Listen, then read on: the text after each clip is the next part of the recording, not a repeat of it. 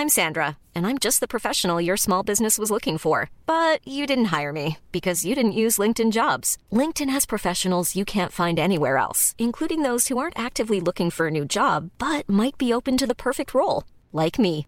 In a given month, over 70% of LinkedIn users don't visit other leading job sites. So if you're not looking on LinkedIn, you'll miss out on great candidates like Sandra. Start hiring professionals like a professional. Post your free job on linkedin.com/people today. Fuck, fuck, fuck. Case Michael Myers. To the untrained eye, there's nothing visually abnormal with this angelic young boy, but one must remember not to be fooled by his calm, unassuming facade. You know I have to fucking work tonight. Oh my god, you're pathetic. The whore with the big tits hanging down to her knees? This summer, Rob Zombie unleashes a unique vision of a legendary tale.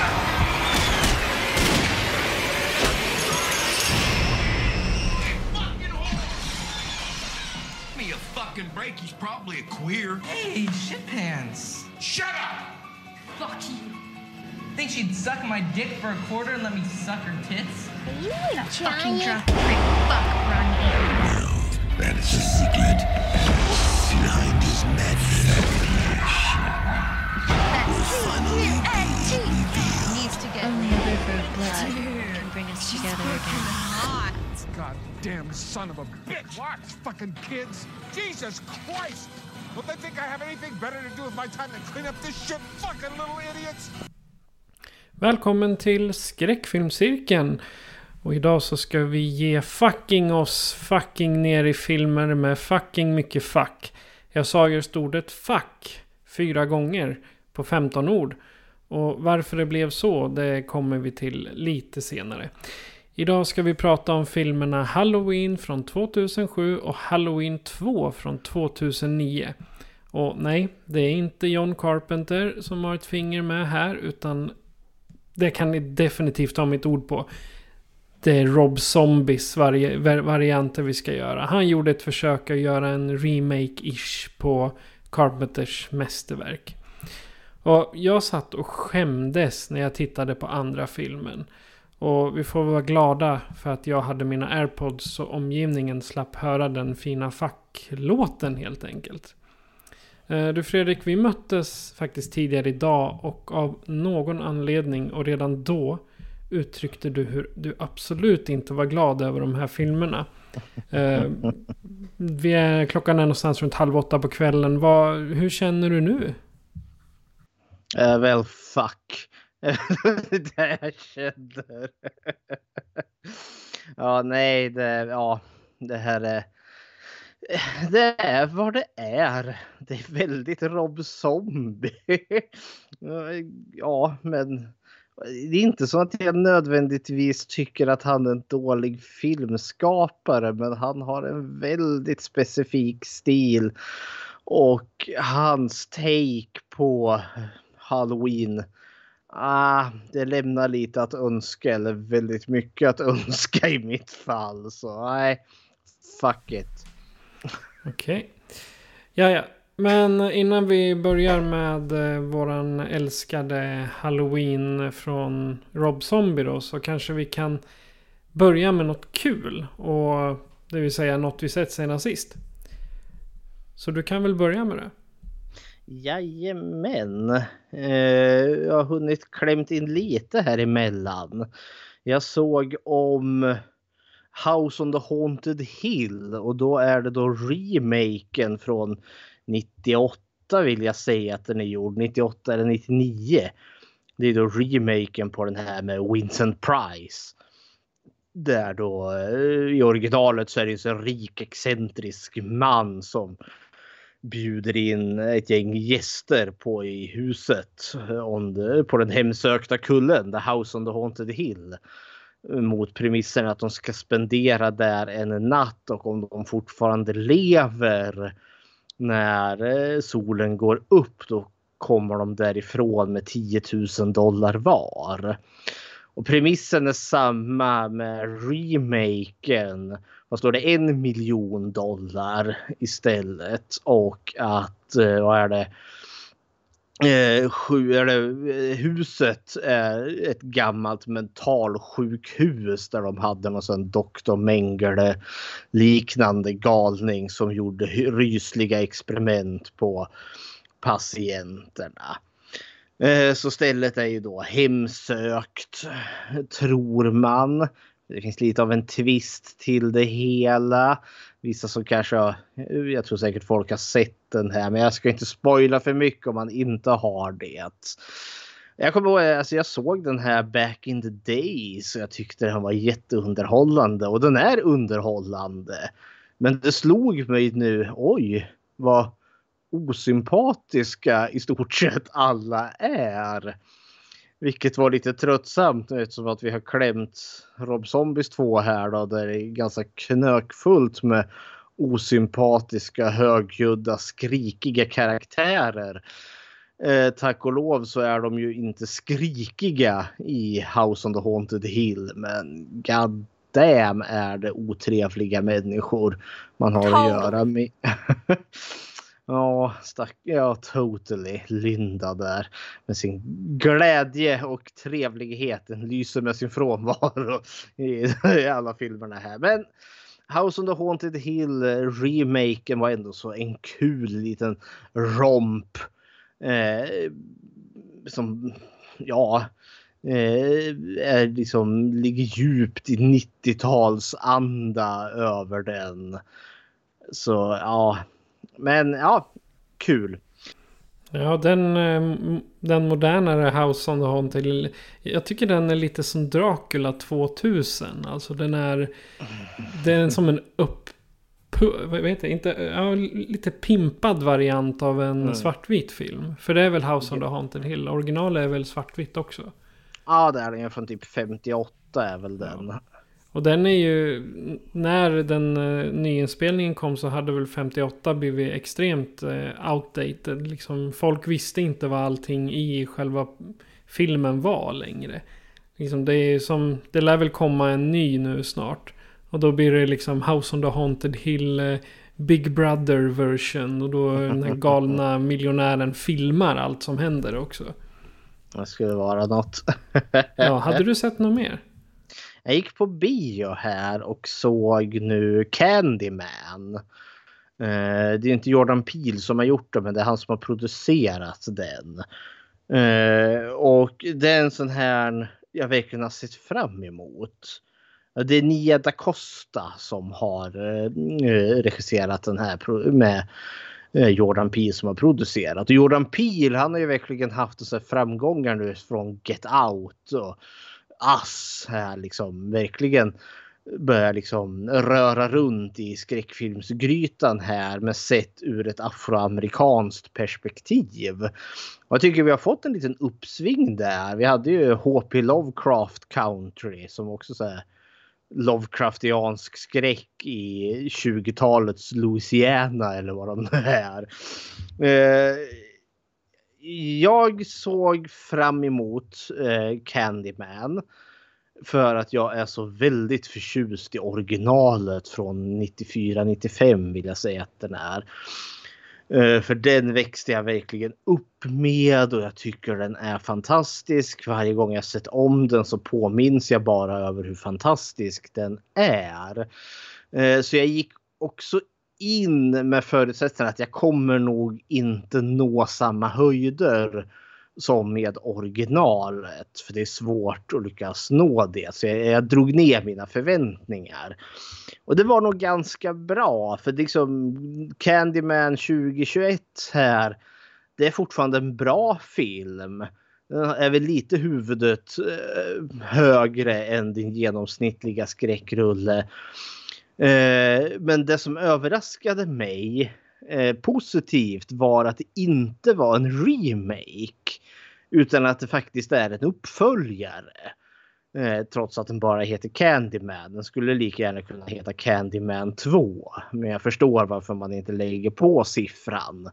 Det är liksom, ja men då blir det lite franchise och lite ja, lite tackigt. Men istället så är det här en väldigt jäkla smart uppföljare som inte tar bort händelserna från första filmen utan de spelar en väldigt aktiv roll i den här filmen. Eh, däremot så förklarar de mer utav Candyman mytoset. Uh, och jag vet inte riktigt. Alltså jag tyckte det var kul men de tar bort en del av mysteriet som fanns kring Candyman i första filmen. Uh, och Tony Todd som gör Candyman. Han, uh, han är mest relegerad till en cameo i stort sett. Eh, och det finns en förklaring till varför. För han är bokstavligen Candyman. Men han dyker verkligen inte, eh, han är knappt med i den här filmen. Eh, men den Candyman som ändå så finns med här är mer, alltså det är mer en slasherfilm på det sättet. För det är liksom en stum mördare med den här kroken till hand eh, som ger sig efter folk. Och det har varit lite av ett lite terror på Elm Street också för att man kan bara se Candyman i spegeln. Så när folk blir mördade så är det som en osynlig kraft som bara hugger dem. Eh, förvånansvärt blodig, vilket jag tyckte om. Eh, det var väldigt mycket body horror. Det var väldigt David Cronenberg över det hela. Vilket var en kul twist. Men det som fattades det var verkligen Tony Todd som, eh, och hans dialog som Candyman. För det sätter liksom tonen så jäkla mycket med den här elakingen och hans mässande röst. Och så lyser Philips glas musik med sin frånvaro i den här filmen. Jag tycker den är bra. Eh, den handlar väldigt mycket om rasism. Eh, det är subtexten. Men den är nästan lite heavy-handed. Alltså det känns lite som att filmskaparna bara slår oss i huvudet med budskapet. Och ja, mm, jag hade önskat en lite mer eh, att det inte var så jävla övertydligt med vad den menade. Eh, men för vad den är så tycker jag den väldigt jäkla bra uppföljare. Men den når liksom inte de höjder som är originalet.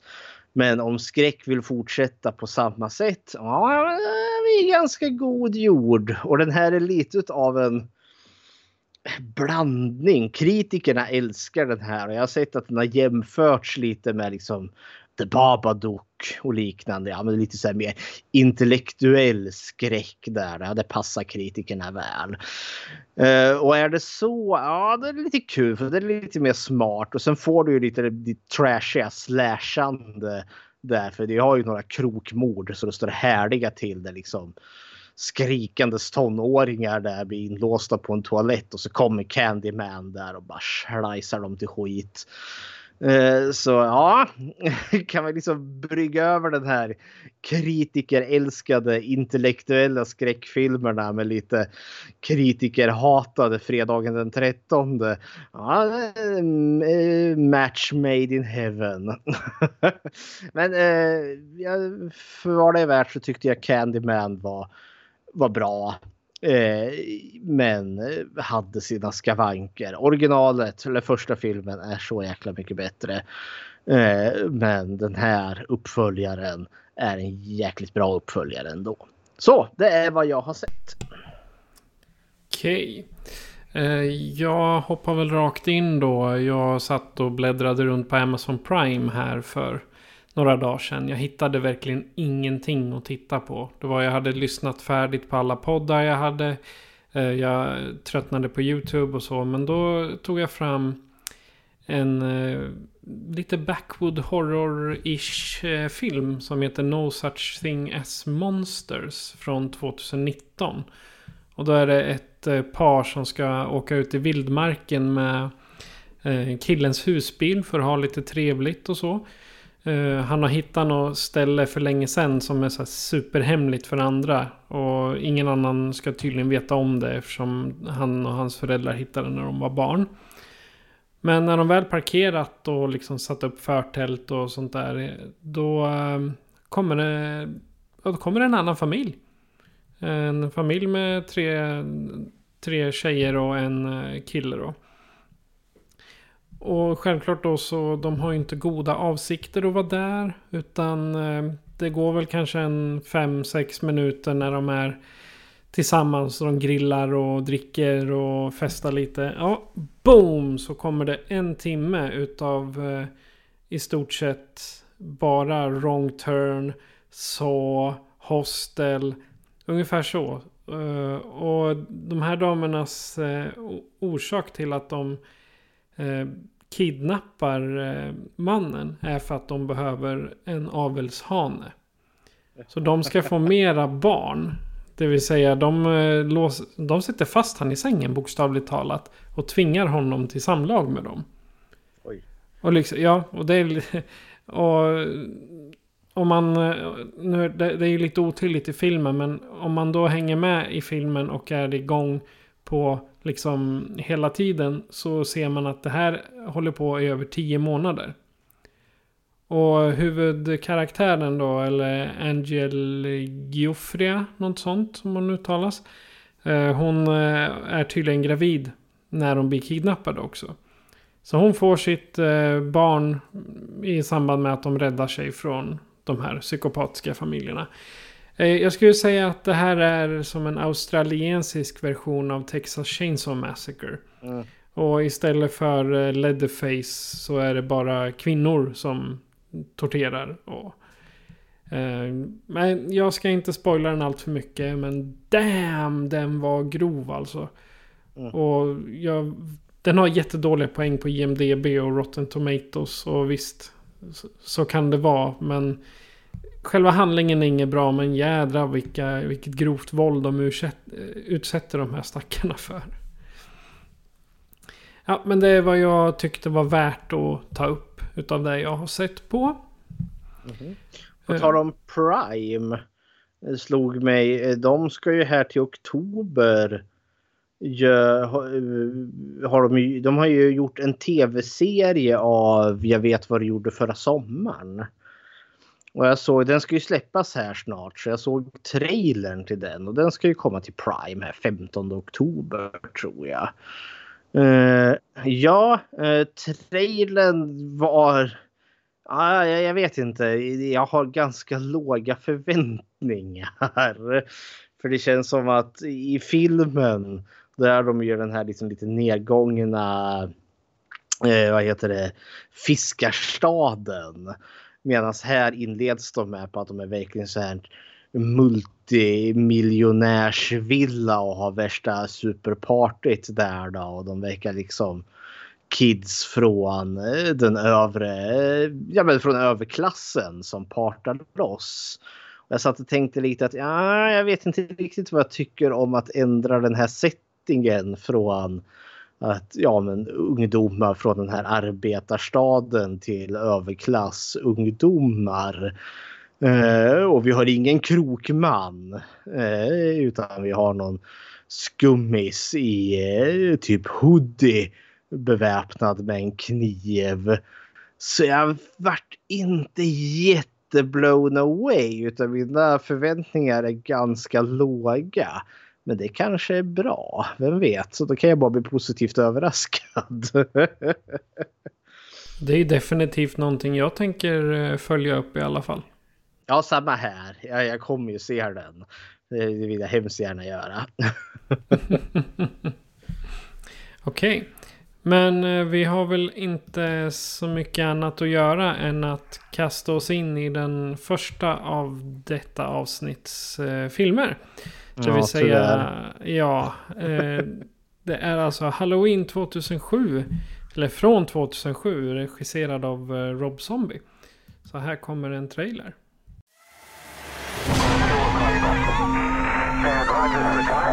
Tonight's brutal murders was described by police as Manson-like in its viciousness. Three people brutally murdered and a 10-year-old boy being held in custody.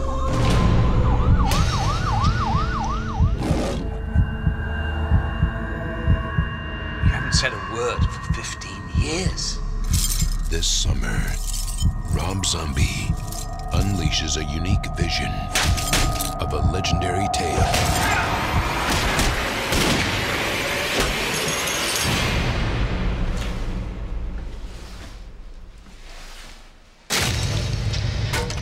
Listen, be careful tonight. A lot of nutcases come out on Halloween.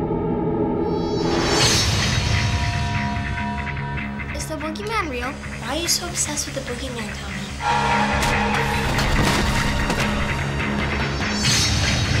Halloween night, the boogeyman attacks kids who don't believe. Oh no, Tommy! Boogeyman's gonna get me!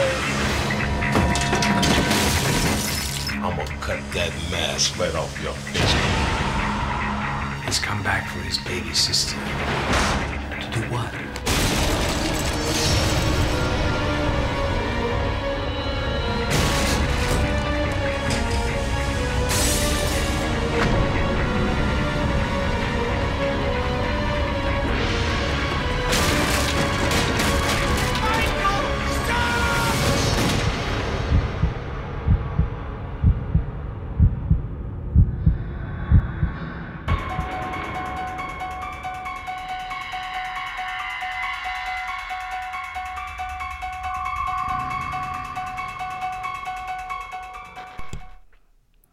Sexton år efter att Myers dödat sin styvfar, sin stora syster och hennes kille flyr han till den sömniga småstaden Haddonfield i jakt efter den enda människa han någonsin brytt sig om.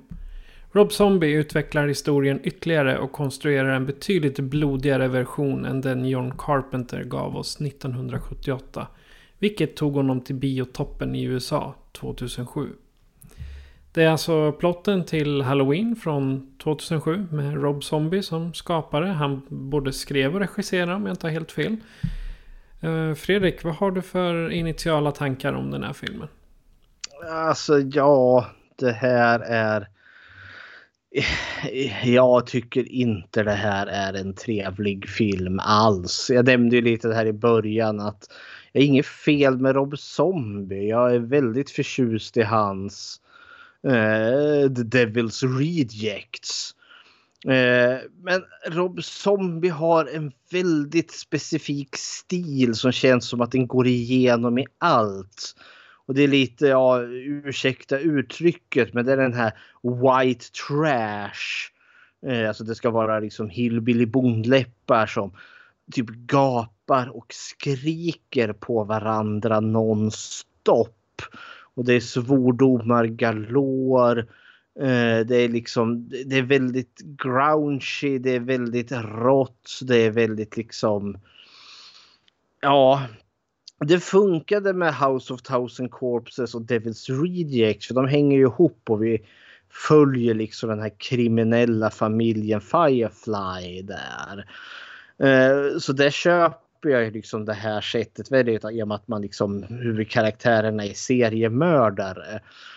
Eh, men vi har typ samma ton i den här filmen, Halloween.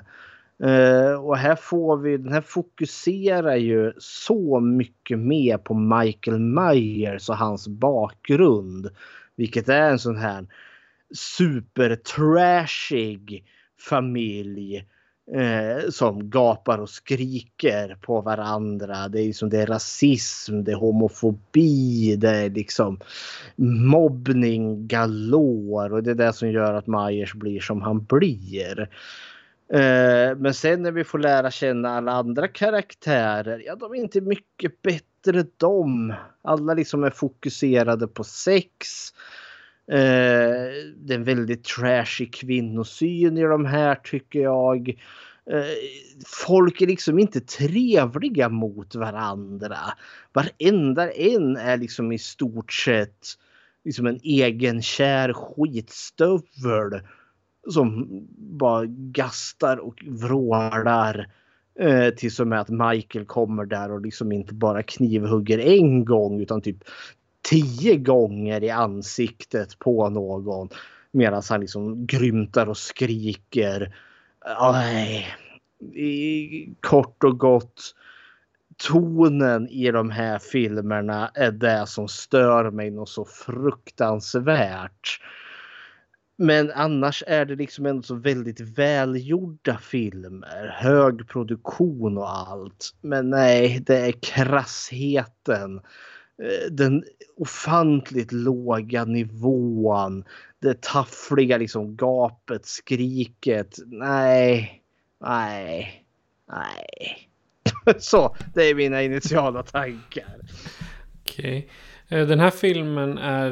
Det är väldigt många som hatar på den. Alltså överlag, både i poddar och när man har läst reviews och allt möjligt. Men jag kan tycka att det inte är helt rättvist med tanke på att den... För jag tycker den här filmen arbetar mera med karaktärerna än vad man kan tro. Man tar exempelvis Myers eh, karaktärsutveckling så börjar det liksom som en dämpad pojke som jag läste någonstans att han dödar små djur för att känna sig överlägsen. Och sen får man följa, följa honom tills han eh, utvecklas till en så här förtryckt zombieliknande mördare som dödar allt och alla. Så om man jämför 1978 Myers med Myers 2007 så är den från 2007 mycket mer skrämmande. Och min troligen för att det är Tyler Main som spelar Michael Myers för han är mycket större. Uh, om man säger John Carpenters Myers är som en robot. Uh, Zombies Myers är ett monster. Det är ungefär så. Och i samband med det här så kom ju Hostel och Saw också. Mm. Och om man jämför med dem så är ju Halloween ganska tamt. Men den överträffar Carpenters version i våld. Men mycket av det är liksom off-screen. Man, eh, man går på ljud och eh, blinkande ljus och, och sånt. Eh, men man förlorar det här mysteriet som Carpenter har i sin sin, sin version. Att liksom, vem är det som jagar Laurie hela tiden? Och hur kan han ha kommit dit? Det, det framgår inte så tidigt i filmen. Nu i eh, 2007 då säger man BAM! Det här är orsaken till att han har dragit och vem han är ute efter. Och som sagt, Zombie har haft en viss eh, återhållsamhet i hur mycket våld han vill ska visas. Och överlåter det till fantasin, ljus och ljudeffekter.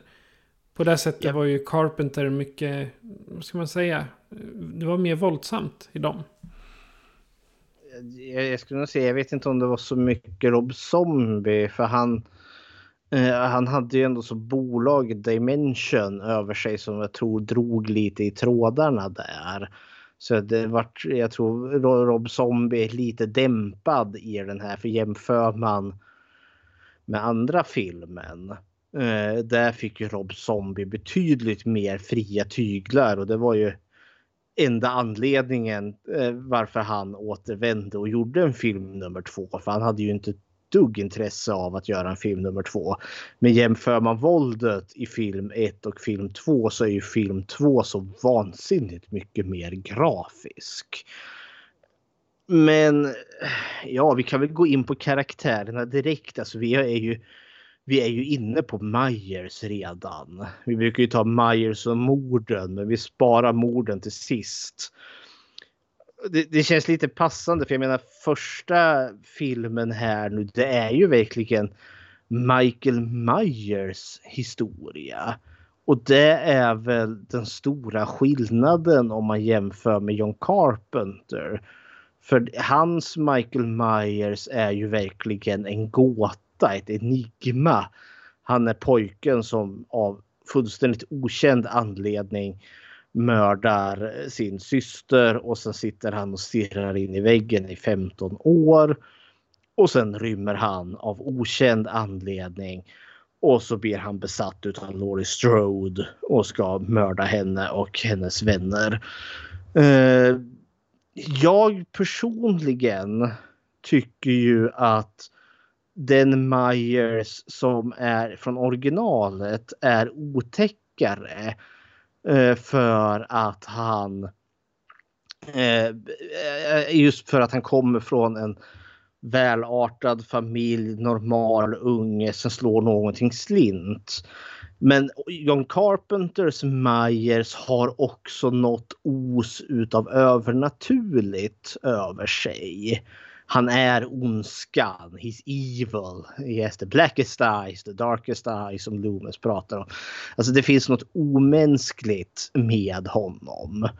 Eh, vilket gör honom till liksom en väldigt mycket mer orealistisk karaktär. Rob Zombies Meyer eh, är ju väldigt mycket mer en människa. I och med att vi får ju se honom som den här blonda pojken. Eh, och han pratar ju jättemycket. Eh, och eh, för jag kommer ihåg att det var det som störde mig första gången jag såg den här att det är liksom, jaha, nej men oj. Ska vi få liksom hans seriemördarbakgrundshistoria? Och jag, ja, för det är också lite run of the mill. Den här liksom, han kommer från en jättedysfunktionell familj. Eh, där pappan typ, eller ja, där styvpappan vill sätta på sin styvdotter där då. Liksom, så fort han själv, alltså grabben dyker upp så liksom sitter han och skriker på pojken där. Är, är du en bög eller är du bög? Ö, ö, ö, och liksom kastar mat på han medan hans mamma står där och skriker i bakgrunden. Bebisen som sitter i, i, i stolen då som är Laurie Strode bara gaptjuter liksom som ett brandlarm. Eh, Medan liksom eh, styvdottern där, Judith, liksom står där liksom, och skriker på sin styvpappa medan hon liksom står och flashar typ sina bröst. Liksom. Åh, vill du ta mig i bajshålet eller? Ah. ah, ah. Och det är liksom bara kakafoni utav ljud, av svordomar, av skrik. Och då förstår vi att det är det här som gör då att Michael, tio år gammal, sitter och kokar inombords. Men det är ju inte bara här han är mobbad utan han, vad är det? I skolan är det ju inte mycket bättre. Där blir han ju mobbad för att hans mamma är ju strippa får vi reda på. Michelle Myers eller vad hon heter. Ja, strippa han... eller så här exotisk dansare eller vad hon nu... Ja. Hon, hon hittar på olika namn för har jag för mig det som jag tycker zombie fångar väldigt väl är just den här väldigt krassa, vad heter det, aggressiva, alltså den trasiga familjen. Alltså det känns väldigt autentiskt på det sättet med det här Ronny som styrpappan heter. Det här försupna svinet som jag antar med största sannolikhet slår sin fru där. Nu kan han inte göra det för han har haft någon olycka så han sitter där och gipsad och dan. Eh, och den här mobbaren som ger sig på Myers. Vi hörde lite där i introt som vi måste villigt erkänna att vi, vi, vi tog lite från våran favoritpodd The Hysteria Continues. som gjorde en kavalkad av alla svordomar som dyker upp här. Nej men han säger ju någonting. Eh, Do you think your mother would uh, uh, Let me fuck her titties and suck her titties. Alltså det, det är en väldigt märklig mening om hans mammas bröst. Och jag sitter och tänker att ja, just den känns ganska autentisk ändå. För jag känner lite som att ja, det är ungefär vad en 15-årig mobbare liksom, som försöker hitta på någon elak mening on the fly. Eh, och han är liksom kaxig och jävlig och bara drygdum. Eh, men känns också som en trovärdig Alltså som skolmobbare. Men så kommer rektorn in. och han eh, gormar och skriker och ger sig på Myers han med. Och man känner liksom, men gode gud, det finns verkligen ingen som är schysst och trevlig i den här världen. Den enda som är snäll mot honom det är hans mamma. Eh, och lilla syster där då, för hon, jag förstår att Majers tycker om sin lilla syster. Men styrpappa Rontny är vidrig. Stora syster Judith tycker bara han är jättejobbig och äcklig och eh, skriker på han. Eh, medan hon skriker samtidigt på sin styvpappa som vill våldta henne. Medan hon står där och liksom flashar skinkorna mot han för att reta han. Nu när han alltså, och det är så jävla trashy allting. Allt är bara fel och vidrigt. Uh, ja, och så förstår vi liksom sättet för Michael att ventilera här då. Det är att han, han dödar sina tama råttor och, och ljuger om det. Han säger liksom till sin mamma där att oj nej nu dog råttan Elvis. Jag var tvungen att spola ner han. Efter att vi har sett att nej, han har bevisligen skurit råttan Elvis i bitar med sin uh, swish armé, eller vad heter det, schweiziska armékniv. Uh, och sen antyder, får vi reda på rektorn där då, att han är ute och fotograferar djur som har blivit överkörda. Han har en död katt i sin ryggsäck. Alltså allt här är ju liksom copy-paste liksom. Så här blir en seriemördare till ungefär.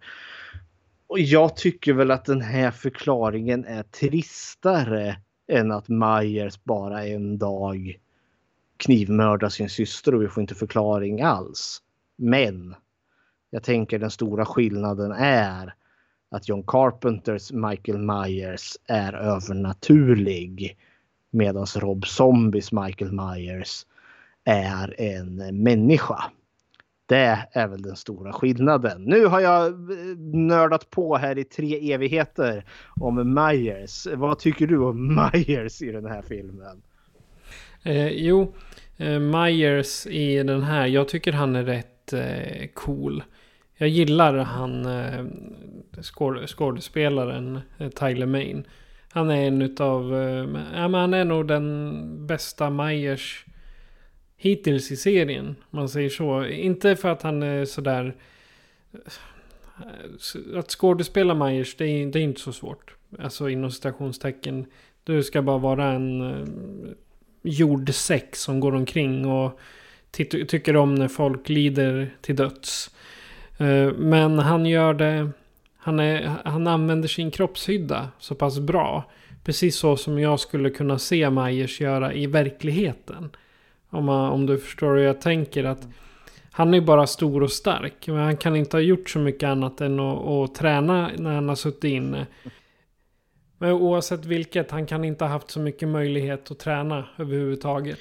Det, det är sådana här logiska furror som blir problematiska för mig. För jag menar Tyler Made, han är stor som ett hus. Eh, och jag, jag, jag ger det liksom att det är en väldigt skräckinjagande Michael Myers här för att han är så där jävla stor. Men han spelar ju så, Michael Myers är ju arg i den här. Alltså han är ju vibrerande ilska. Som liksom bara kokar. Han är som en Eh, ja, men han, han är som en tryckkokare som håller på att explodera. Jag tänker det är också en sån stor skillnad från, då, från Carpenters Myers till den här Myers. Eh, för Carpenters Myers vet man aldrig riktigt vad man har. Han kan stå och blänga på dig tre dagar i sträck och sen kanske han mördar dig, men han kanske inte gör det.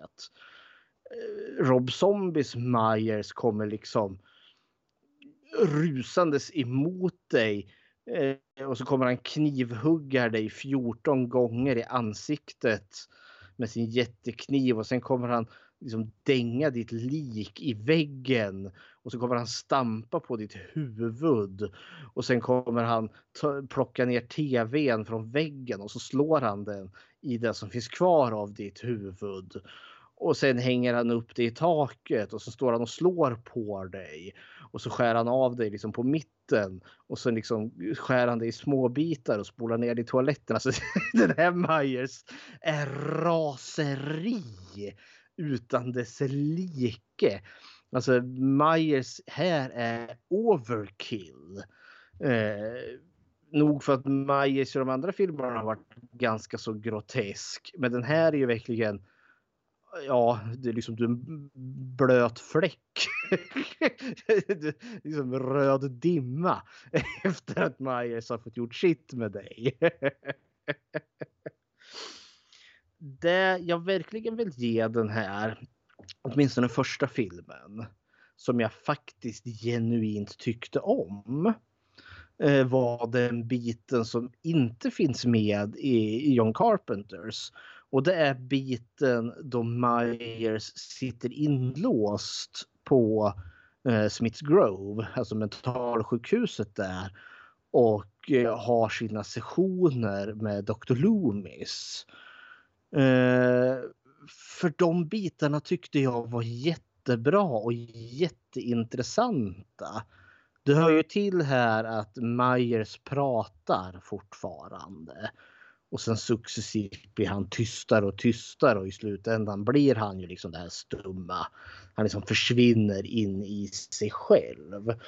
Och den biten tyckte jag var förvånansvärt intressant. Och jag gillade samspelet mellan den här pojken och Dr. Loomis.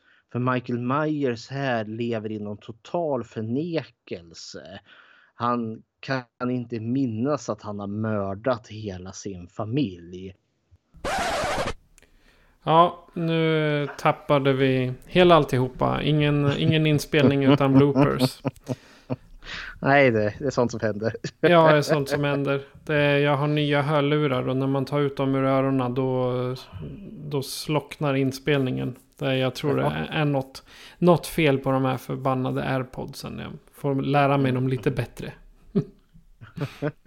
Var var vi någonstans? Eh, vi pratade lite om Dr. Loomis och hans relation till Meyer. Så vi kan väl kanske gå över till eh, Dr. Loomis i den här filmen. Ja. Vad tycker du om Dr. Loomis i eh, första Halloween-filmen? Man måste verkligen betona det för det är verkligen skillnad från film 1 och film 2 här. Vad tycker du om Dr. Loomis i film 1? God damn, jag hatar honom. Oj, han, är inte, han, är, han känns inte som samma Dr. Loomis som i originalet. Eller man ska säga. Nej.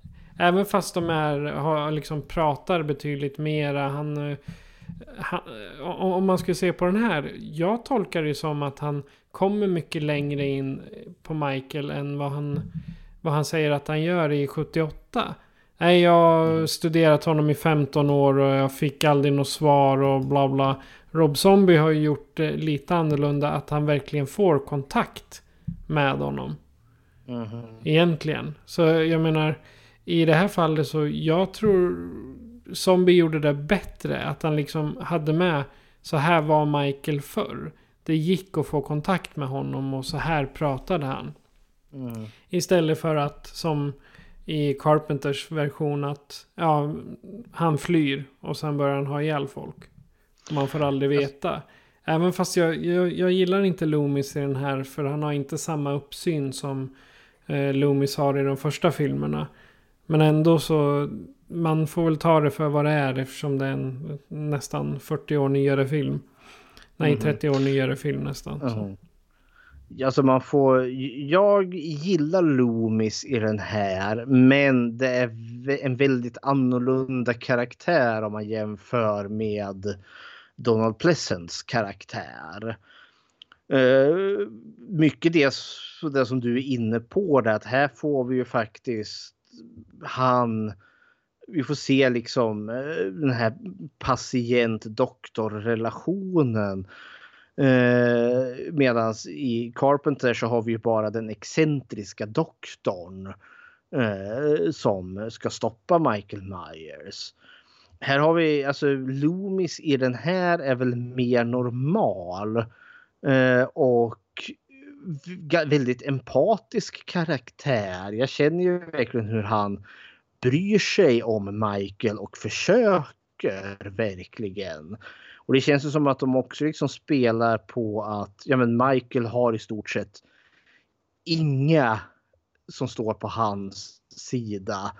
Eh, men Dr. Loomis är väl eventuellt den enda och att Dr. Loomis kanske rent av blir lite av en fadersfigur. Vi får ju se en gråtande tioårig Michael Myers liksom sitta i famnen på Dr. Loomis. Eh, vilket var liksom ganska rörande. Men sen liksom när Myers väl är vuxen då är ju liksom han, har han gått och blivit, inte det här tomma hålet, för han är ju inte ett tomt hål, utan han är ju bara stumt vrede i, i de här filmerna. Men Dr. Loomis, alltså, han funkar väldigt bra i början. Sen är det ju den här biten när Myers väl har rymt. Uh, och liksom har begett sig till Haddonfield. För då är det ju liksom Dr. Loomis och Sheriff Brackett eh, som liksom ska ge sig ut och jaga Michael Myers. Den biten funkar mindre tycker jag. För då slänger de till och med in lite sådana här ja, repliker som Donald Pleasence hade där han liksom börjar liksom Michael Myers is the devil och jag kände nej, det där har ni inte etablerat. Ni har eh, etablerat en alldeles för normal Dr. Loomis. Så när eh, Dr. Loomis här börjar liksom He has the blackest eye, the darkest eyes, the evil the devil's eyes. Det funkar inte. För det känns verkligen force. Det känns påtvingat. Att liksom att ja, det här är ändå som remake så vi måste få in lite knasiga Dr. Loomis citat. Men det används inte särskilt mycket. Eh, och Dr. Loomis försöker ju faktiskt hjälpa till och den här är ju betydligt mer i striden mot Michael. Han åker på det ganska rejält här. Eh, och eh, eh, men liksom han försöker ju faktiskt hjälpa Laurie rädda hennes liv eh, och sådana saker. Så jag tycker det här är en mycket trevligare Dr. Loomis sympatisk en och jag tyckte att han funkade. Men han är inte alls den här excentriska Loomis. Uh, och det är väl liksom, om man nu ska ge den här filmen, alltså Rob Zombies första. Det är de här två karaktärerna som ges mest tid. Alltså Michael Myers och Dr. Loomis. För typ nästan halva filmen har gått innan Michael rymmer. Eh, och vi får träffa Laurie Strode. Och Annie och Linda. Eh, Ska vi, har du något mer om Dr. Loomis i den här filmen? Eller är vi redo att gå över till Strode och hennes vänner? Jag tyckte Loomis var lite den, den Loomis jag är van vid, han är lite smått excentrisk och Ja, ja. den galna vetenskapsmannen. Och den här, jag tyckte han var liksom... Eh, han var så... Det var som att skära i... Eh, vad heter det? Sockersmet. Typ. Ja. Lor- Laurie Strode då? Ja, Vad tycker och du hon- om Laurie? Jo, det är Scott Taylor Compton som spelar Laurie Mhm. Strode här. Eh, ja, hon är lite som en, ska man säga, en upp- uppgraderad Jamie Lee Curtis. Något yngre dock. Men, eh, ja. Jag är inte så imponerad av henne som eh, skådespelare lite längre fram. Men hon gör en, en relativt bra, ett bra jobb och liksom ska man säga, porträttisera hur Laurie Strode är i originalfilmen. Det är ju, de har ju i stort sett samma scener i den här. Men eh, jag tycker hon... Ja, hon är nästan likadan fast lite modernare. Om man ska kalla det. Ja, något sånt. Ja, Jag, jag tycker inte att den här karaktären är sig lik alls. Eh, alltså det är otacksamt att ge sig an en sån ikonisk roll som Laurie Strode. Nu gör hon, alltså hon är en jättebra skådespelare men jag tycker att Rob Zombie har missat vad Laurie Strode är. Men också samtidigt får de så mycket mindre tid att utvecklas. Alltså Laurie Strode var ju den här superreserverade liksom, alltså, scoutflickan som alltid är redo att göra det rätta. Och hon är också, hon är också medvetet nerklädd i originalfilmen när man jämför henne med Annie och Linda som är mycket mer liksom utåtriktade eh, och liksom kan ta för sig. Den här Laurie, den här Laurie Strode är ju Alltså hon är ju inte den här introverta skötsamma flickan. Alltså hon är trevlig och snäll. Men ja, det, det, här är jag, det är det jag menar. Hon är... Hon porträtterar Laurie Strode i den första filmen men något uppdaterad. Men så återhållsamma som hon är i Carpenters film, det är vi ju inte idag. De, de flesta är ju mera framåt och kan prata för sig själva. Men på 70-talet så är det ju ändå kvinnosynen var annorlunda och då beter sig kvinnorna annorlunda. Det är ju, det är där, det är ju tidsenligt. Det är där jag tänker. Jag, jag håller inte med. Fan, introverta människor fanns på 70-talet och finns idag också. Jag menar, Laurie Strode eh, liksom funkar väldigt väl för det. För den här Laurie Strode är ju väldigt mycket mer en partypingla som liksom eh, som ska dansa på barbordet och sen dra in killen på, på toaletten och suga av han. Och jag känner liksom, ja det är inte riktigt den karaktären jag är ute efter. Och det är här som jag kommer fara in att jag inte riktigt är förtjust i de kvinnoporträtt som ta, dras upp i Rob Zombies filmer. För Annie och Linda i originalet de är sexuellt aktiva kvinnor. Men det porträtteras liksom inte på något negativt sätt. Jag tycker verkligen att eh, original Halloween är sexpositiv. Jag tänker inte säga att Rob Zombies är sexnegativ, men jag tänker säga att den är exploitativ. För det är enbart kvinnor som blir nakna i den här.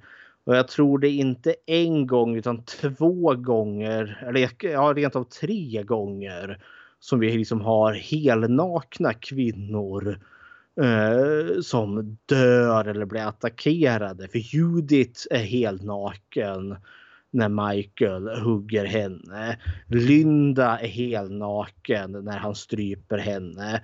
Och sen är Annie också helnaken. Hon dör visserligen inte i den här filmen men hon ligger där i en blodig misshandlad röra. Eh, och kvinnorna är väldigt liksom det är skillnad, och jag vet inte hur jag ska uttrycka det här.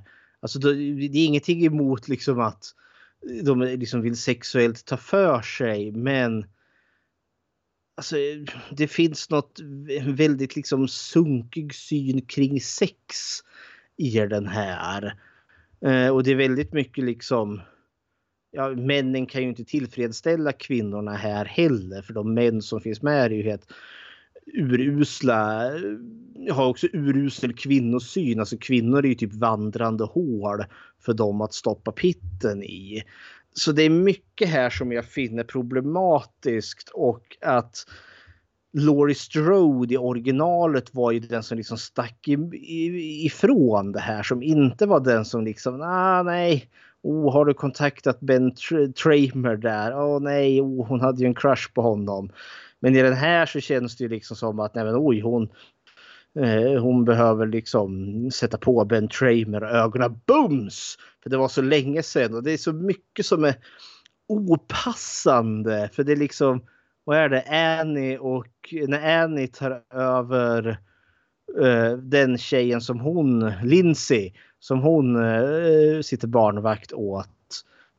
Uh, då vad är det? trycker hon ju upp, vad heter det, eh, Laurie mot väggen. Och liksom, oh, du behöver Ben Tramer där och liksom så torrjuckar de på eh, liksom, henne och liksom, båda står där liksom, och, och tjuter, liksom, gör, gör sexljud ifrån sig. Medan barnen står och tittar på. och sitter där och fnissar. Jag kände liksom, ah, vad är det här för jävla sunkig syn? Ah, jag vet inte. Det... Och samtidigt Tommy och Linda, nej, Lindsay, barnen här som sitter barnvakt. Han kläcker ju också ur sig liksom att nej usch tjejer, tjejbaciller, blä blä blä. Alltså det, det blir väldigt liksom tydliga manliga läger och kvinnliga läger. Eh, men det här är min preferens, det här är min smak. Alltså jag uppskattar originalet så mycket bättre för jag tycker att de är trivsamma karaktärer. Och jag känner liksom att de pratar också som människor pratar. Medan Rob Zombies variation är det så jäkla mycket chockvärde hela tiden. Vi får reda på att Linda har blivit sparkad från vad heter det, att vara cheerleader. Eftersom att hon flashade vaginan för killarna som satt på läktaren.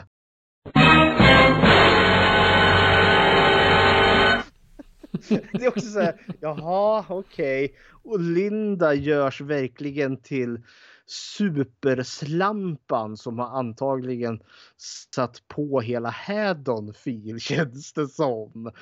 Och det är inte alls så jag tänker, Linda var ju onekligen den som var mest sexuellt aktiv i, i originalet. Eh, men återigen som sagt, jag upplever då kanske att hon har det mest med sin pojkvän Bob. Eh, men och en annan sak som störde mig, alltså jag, förlåt, alltså jag börjar komma igång här känner jag, alltså fan vad jag inte tycker om Rob Zombies halloween-filmer. Linda är ju dum i huvudet i den här filmen. Totally. totally, tyvärr. Och det... Eh, hon är en av mina absoluta favoritkaraktärer. För hon blir ju lurad av Myers i originalet när han drar på sig den vad heter det, spökdräkt, alltså det här lakanet över huvudet så som Bob hade på sig. Eh, och det köper jag i originalet eftersom att Myers inte är två meter hög och liksom bred som en lagårdsvägg utan svällande wrestlingmuskler. Men hon kan inte se igenom att det inte är hennes pojkvän. Eh, för Bob är liksom typ två huvuden kortare än Majes i den här. Men när han liksom drar på sig dräkten och så kliver han in där så sitter hon där. Äh, vart är min öl då? Och börjar liksom bitcha på honom. Hur kan du inte se att det där inte är Bob? Det kommer liksom in en man Visserligen har han ett vitt alltså, lakan på sig. Men han är typ två meter lång och ja, som sagt bred som en lagårdsvägg. Hur missar du det? ah. Ja, ja, hepp. Alltså jag tror du har, när du nämnde Laurie där, jag tror du fick in de flesta utav de andra tjejerna också. För de beter sig ju typ likadant allihop det är också en grej som stör mig, men det är också en del, alltså de kunde kanske inte göra så mycket. För jag menar, som sagt, det här är Michael Myers och Dr. Loomis film. Laurie Strode och Annie och Linda, alltså de kommer in så sent. De är lite eh, mera bikaraktärer kan det kännas som. Ja, och det är inte nödvändigtvis ont för liksom när vi går in i den här biten att Michael har rymt och kommit till Haddonfield. Då blir det ju mer liksom remaken. Då får vi ju lite de här klassiska scenerna från originalet. Fram tills dess har det ju ändå så liksom varit sin egen film. Har liksom filmatiserat det som vi inte fick se i Carpenters variation.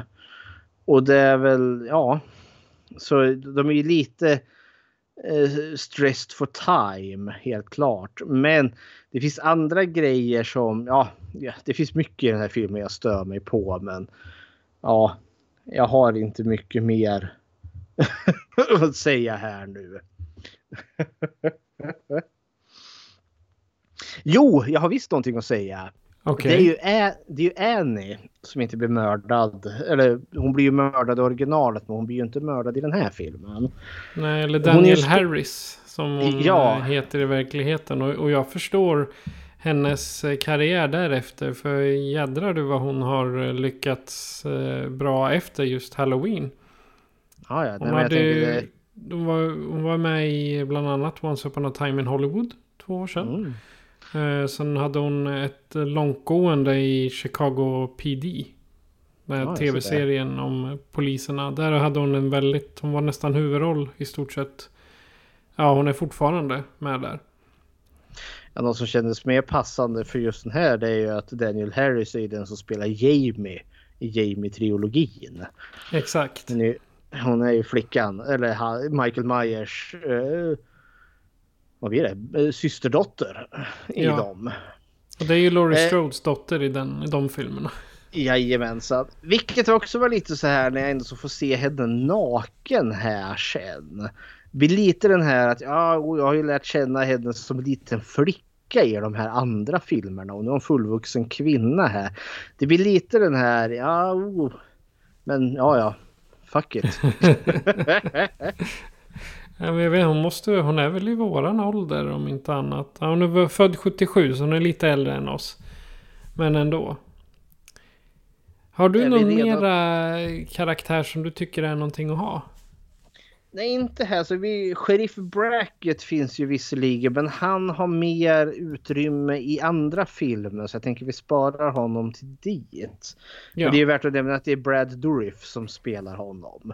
Alltså Ja. eh, Grymma Ormtunga från Sagan om ringen eller Chucky från Onda Dockan. Och det också. Han har verkligen haft de här, ja, ska jag säga, ondingarna. Ja. Ondingar, ondingarrösterna kanske man ska säga. Jajamensan. Okej, eh, platsen. Ja, jag tänker väl att vi först är vi, alltså det är ju Haddonfield, men det är Haddonfield eller mentalsjukhuset vi befinner oss i. Det är ändå ganska bra att de i stort sett bara är på två ställen. Om man räknar bort att Haddonfield är rätt stort, men ändå. Ja, Nej, men alltså visst, och vi är väl lite i Myers-huset också där i början med familjen. Eh, nej men alltså mentalsjukhuset tycker jag det jag har egentligen ingenting att anmärka om några av platserna. De funkar. Alltså mentalsjukhuset alltså, som till sin design är, eh, känns som väldigt kliniskt men det är en väldigt ljus en. Det är inte den här liksom oh, skräckfilms mentalsjukhuset.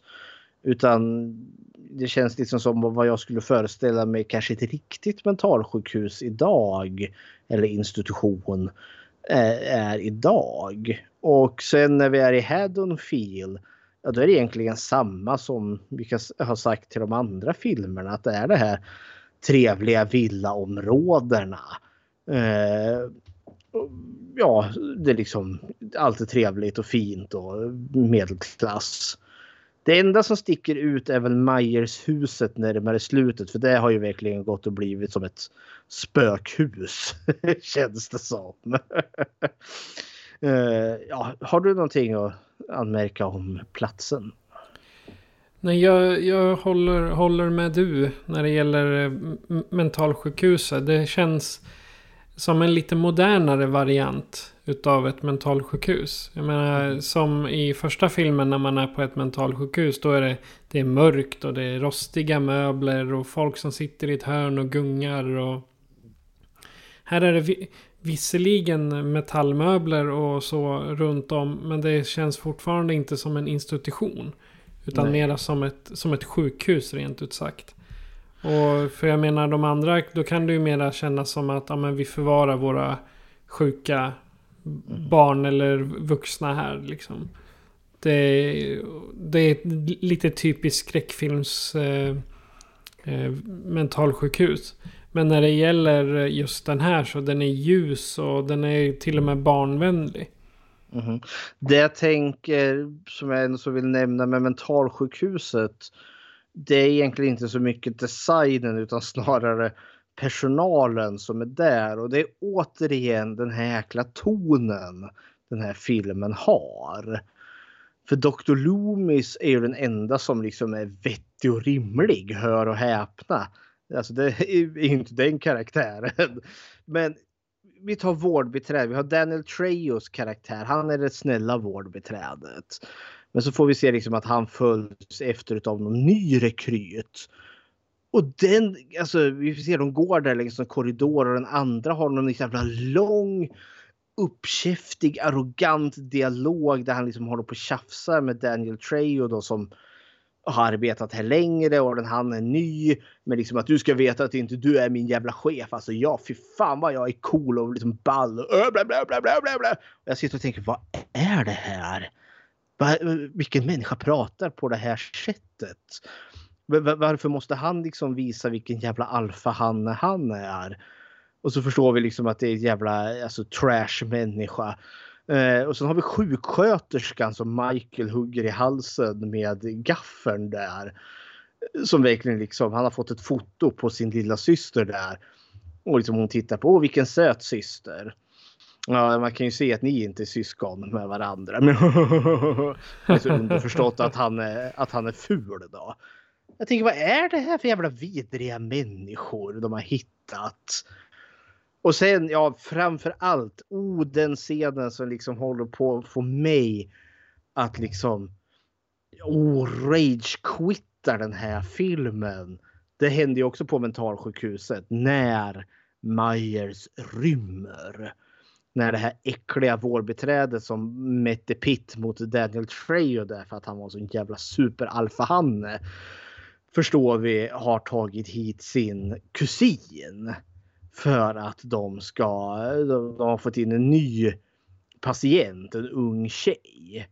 Och då har de beslutat sig att de ska våldta henne. Men då ska de göra det i Michael Myers cell. Och det var för mig, alltså återigen den här tonen som den här filmen har. Så de liksom, Michael sitter där och håller på och gör masker för det är någon grej han har i den här. Han sitter och gör papier-maché-masker. Och så håller de på typ gruppvåldtar eller de våldtar henne om vartannat. När den ena är klar då kliver den andra på där. Och det är gap och det är skrip och det är gråt och det är tandagnisslan. Och han liksom springer omkring där och liksom käftar och liksom bröstar sig mot Michael hela tiden för att han är så jävla cool. Tills som är då att Michael reser sig upp och så slår han ihjäl dem och så går han därifrån. Jag kan inte med den scenen. Gode gud vad är den bra för? Visst, det är ju till för att han ska rymma. Men why God damn why? Är det för chockvärdet? Ja, chockad blev jag. Men filmen är, blir ju så jäkla trashy. Varför behöver vi ha en lång och utdragen våldtäkt?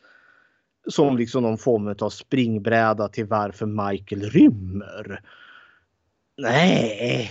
Och vad liksom, om vi skulle springa på det liksom att Michael har blivit så illa behandlad hela sitt liv att det här är liksom som får bägaren att rinna över. Nej, nej. alltså då, att han liksom då ska mörda alla svin han möter, vilket den här filmen är fullständigt gödslad av. nej, usch, usch. Dina tankar kring våldtäkten i den här jävla filmen. Fullkomligt onödig. Usch. För det är väl ingen utav de filmerna vi har sett hittills som ens innefattar någonting liknande våldtäkt. Inte är som är liksom i närheten av på skärm. Jag menar om man tänker på The Curse of Michael Myers ja. så är det liksom... Ja, är det deras barn eller är det inte? Uh, uh, man vet aldrig. Nej. Liksom. Men uh, det går ju att göra folk gravida på flera sätt än bara ja, våldtäkt. Men det här visar ju också på att de är sjuka i huvudet, de vårdarna. Som ska våldta det, henne. Ja. Och det är ju, jag är ganska säker på att den, där vid den våldtäkten, de vill hetsa Michael så mycket så att han ska begå ett, eh, Alltså göra någon form av våld, slå någon, mörda någon. Eller någonting. De ska liksom trigga igång hans modiskhet. Att det är där de vill. Det, det är också så finns en sån grej som jag inte förstår med den här filmen och som jag förstår ännu mindre med andra filmen. Att alla, alltså i stort sett nästan alla män som springer på Michael. De ska liksom börja brösta sig mot honom och bara liksom käfta med honom. Liksom, Hör du din lilla jävla bitch. Liksom, jag ska slå dig så jävla hårt så du bara däckar. Fy fan alltså. Motherfucker. Är det någon som ser honom? Han är stor som ett jävla hus.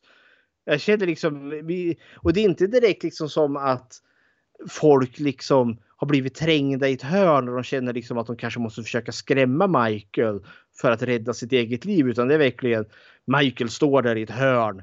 Liksom gigantisk hållande sin jättestor blodig kniv och de liksom bara vill du mucka med mig eller? Och så åker de ju på det. Det händer liksom om och om och om igen. Hade jag sett den här Michael Myers stå där och bara blänga på mig hade jag liksom bara tack men nej tack, nu springer jag. det gör ingen i de här utan alla ska liksom bara nej jag ska slåss mot dig för du, du är en liten jävla bitch. Han är ju typ större än alla andra i den här filmen. Oh! Totally. totally. Åh gudars skymning, jag har så mycket aggressioner mot de här filmerna. Ja, hej, hej hopp. Totally. Totally. ja, nej men platserna tycker jag vi har avhandlat. För det var ju inte så mycket att välja på så. Nej. Men... Eh... nu jäklar är det dags för morden. det bästa i den här filmen. Ja, det finns det gott om. Det kan vi inte klaga på. Jävlar i min lilla låda vad det finns mord här. Okej då, mord nummer ett. Är den här mobbarpojken som mobbade Myers i, i, på toaletten där. Eh, som då Myers sninjar sig efter där, tio år gammal och med beväpnad med en jättestor trägren och så bara mular han ner grabben där som ligger och gråter och gnyr där och liksom ber om sitt liv men det finns ingen pardon där så det är liksom 20 slag i ansiktet till och med att han ligger där som en blodig röra. Så mord nummer ett. Mord nummer två. Är då den här eh, hemska styvpappan Ronny som nu har supit sig medvetslös var på Myers passa på där då att linda upp han eh, med silvertejp och väcker styrpappa med att skära halsen av honom så att blodet forsar ut. Mord nummer tre. Är då pojkvännen som hans syster Judith har sex med. Och det är också han som introducerar Myers-masken. Eftersom att han tycker att shit vad hett det skulle vara om vi hade sex när jag har masken på mig. Och det är också så här okej. Okay, det är varför? lite typiskt för sådana här filmer. Jag vet, det, är också ett väldigt krystat sätt att få in den där jäkla masken. Ja, ja, sak samma. Han går ner och behöver en öl tydligen. Varpå Michael då dyker upp där och slår ner han med ett eh, baseballträ av aluminium. Och det ser sådär tio slag mot huvudet. Och det här man börjar se ett mönster, liksom inte ett hugg som det var liksom i de andra filmerna utan det är ju det här overkill. Utan det är ju medan liksom han liksom skriker ut sin ilska där, där liksom. Vilket systern inte hör. Märkligt nog. Men det, mord nummer fyra. Nu kommer vi till systern där som var mord nummer ett i första filmen. Efter att han har slagit ihjäl pojkvännen så drar han ju på sig Myers masken. Och så går han upp till syrrans rum och så börjar han smeka henne på låret. För hon ligger med ryggen vänd mot han. Och då fick jag liksom, vad händer nu? Håller han liksom på, är han sexuellt upphetsad? Vad är det? Och hon liksom, äh, hon tror att det är pojkvännen där och liksom sitter och åmar sig lite. Och så vänder hon sig om och så ser hon ju att det är brorsan där då liksom. Och sen, ew! Vilket jag förstår. Men då blir det ju kniv i magen där. Och så kryper hon fram där längs golvet gråtandes. Blodet forsar så kommer han tillbaka och så där. Och så där. fem, sex, sju knivhugg till i ryggen. Och sen är systern död. Alltså han gör ju verkligen det där av, alltså, av ilska. Han är arg. Han är ju det. Det är inte bara att som i andra filmer att han mördar för att han kan. Utan nu är, har han... Det är också i den här, man får en orsak till varför han mördar. Han är arg. Ja, och han är väldigt jäkla arg. Och det, det är den här filmen. Jag, jag, jag separerar dem. Det är liksom sin egna filmuniversum. Det här är den här filmens tolkning på Myers. Då kan jag leva med det mera. För jag känner att Myers behöver ingen motivation. Sak samma. Eh, mord nummer fem. Är då inte ett Myers-mord utan det här är ett självmord. Och det är mamma Myers eh, som nu har tröttnat. Hon står inte ut med allt som har varit. Och tar då en revolver och så skjuter hon sig själv till döds. Mord nummer sju. Är då en av de här våldtäktsmännen eh, som våldtar den här eh, kvinnan in i Myers cell. Eh, som Myers lyfter han längs strupen och slänger han in han i väggen. Vilket jag tyckte var ett väldigt lame sätt. Jag hade förväntat mig att han minst skulle ha slitit huvudet av han. Men ja, ja, hepp. Eh, nu ska vi se. Eh, mord nummer åtta. Är då den andra våldtäktsmannen. Eh, och han eh, Eh, blir också, eller han blir inte inslängd i en vägg men han blir upptryckt mot väggen och sen tar Majes tag i hans huvud eh, och typ dunkar det upprepade gånger mot väggen tills med att han är död. Så mord nummer eh, nio.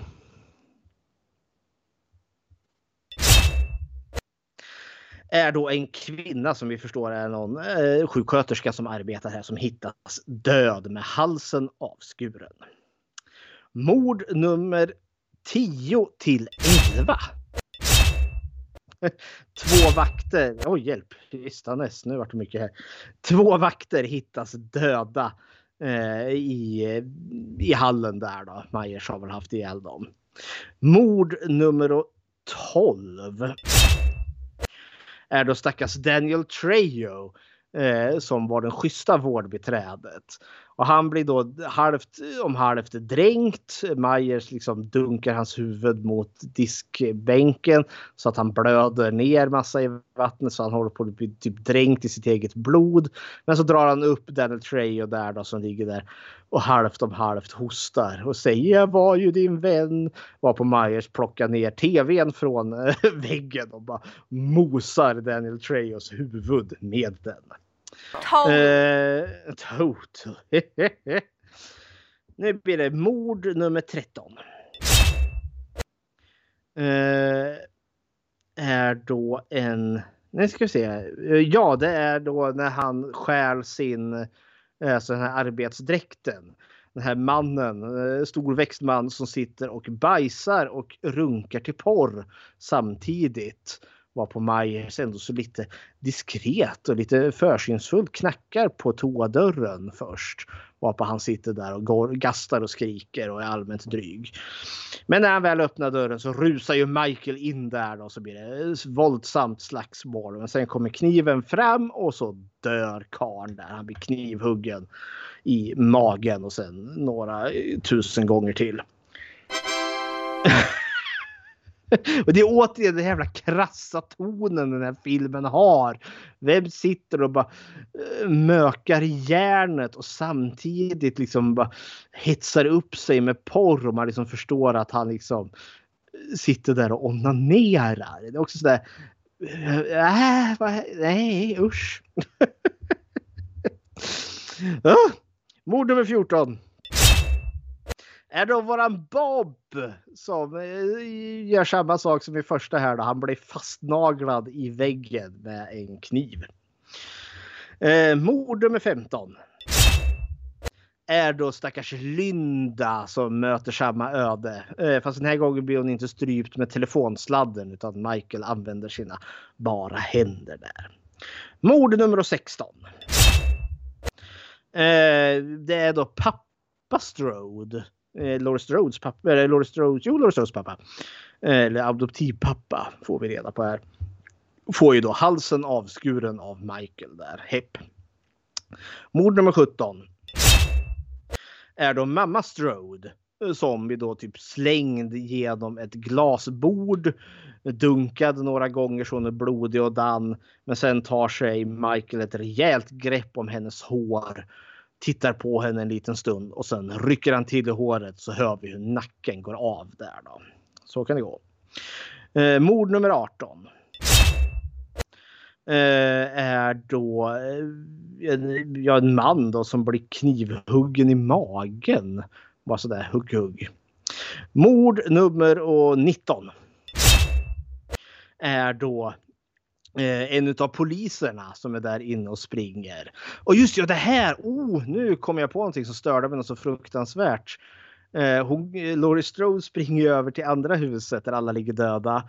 Och där ringer hon polisen och säger den här adressen. Så springer hon tillbaka till sitt hus där barnen ligger. Och när poliserna kommer så går de in i hennes hus. De borde väl ha gått in i det andra huset, adressen som hon gav. Men då hade vi ju inte haft de här två poliserna att dö här. Så, ja. Plot Mord hole. nummer, plot hole. Mord nummer 20. Är då den andra polisen där då. Eh, som blir knivhuggen ett x antal gånger. Och det är alla morden där då. Yay! Vilket då resulterar i att vi har nu 20 döda allt som allt i den här filmen. Men 19 av dem är begångna utav Michael eftersom att mamma Myers skjuter ju sig själv. Vilket då resulterar i att vi sammanlagt nu har 101 döda. Varpå Myers har mördat, av de här 101 är 69 av dem män och 32 av dem kvinnor.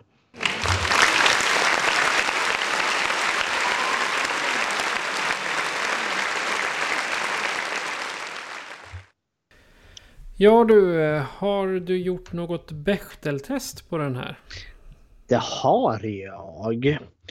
Eh, och som vanligt eh, finns det mer än eh, två namngivna kvinnliga karaktärer. Ja, det gör det. Eh, vi har Judith Myers, vi har eh, mamma Myers, eh, vi har Annie, vi har Laurie, vi har Linda. Eh, träffar de någonsin varandra? Ja, Annie, eh, Linda och eh, Laurie träffar ju varandra. Och pratar om någonting annat än män. Ja, de pratar ju om den här scenen när hon flashar, när Linda flashade vaginan för gympasalen där. Att hon har blivit vad heter det, avstängd. Så ja, den klarar faktiskt Bechteltestet. Då så. Men Ja, då... eller dags att lyssna på musik. Ja, ja, precis. Det var bra att du sa det, för jag hade fingret på, på knappen. Så Ja. då, då kommer musiken från eh, Halloween 2007.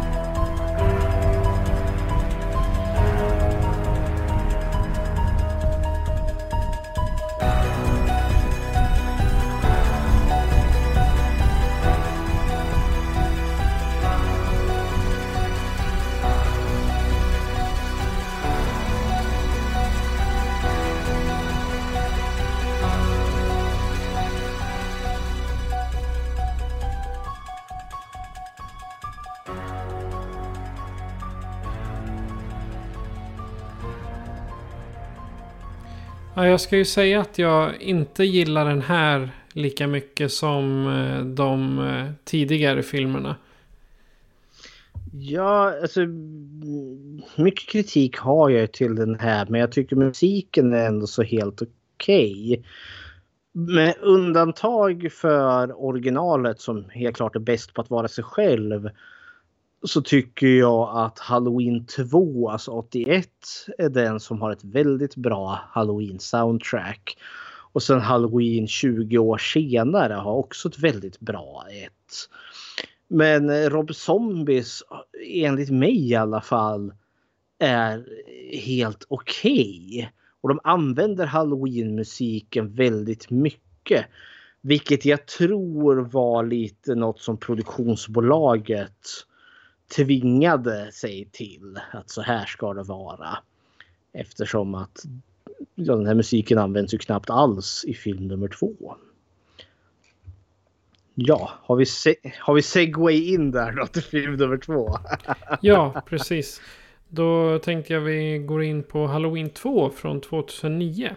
Och mm. eh, vi kör igång med en trailer på en gång.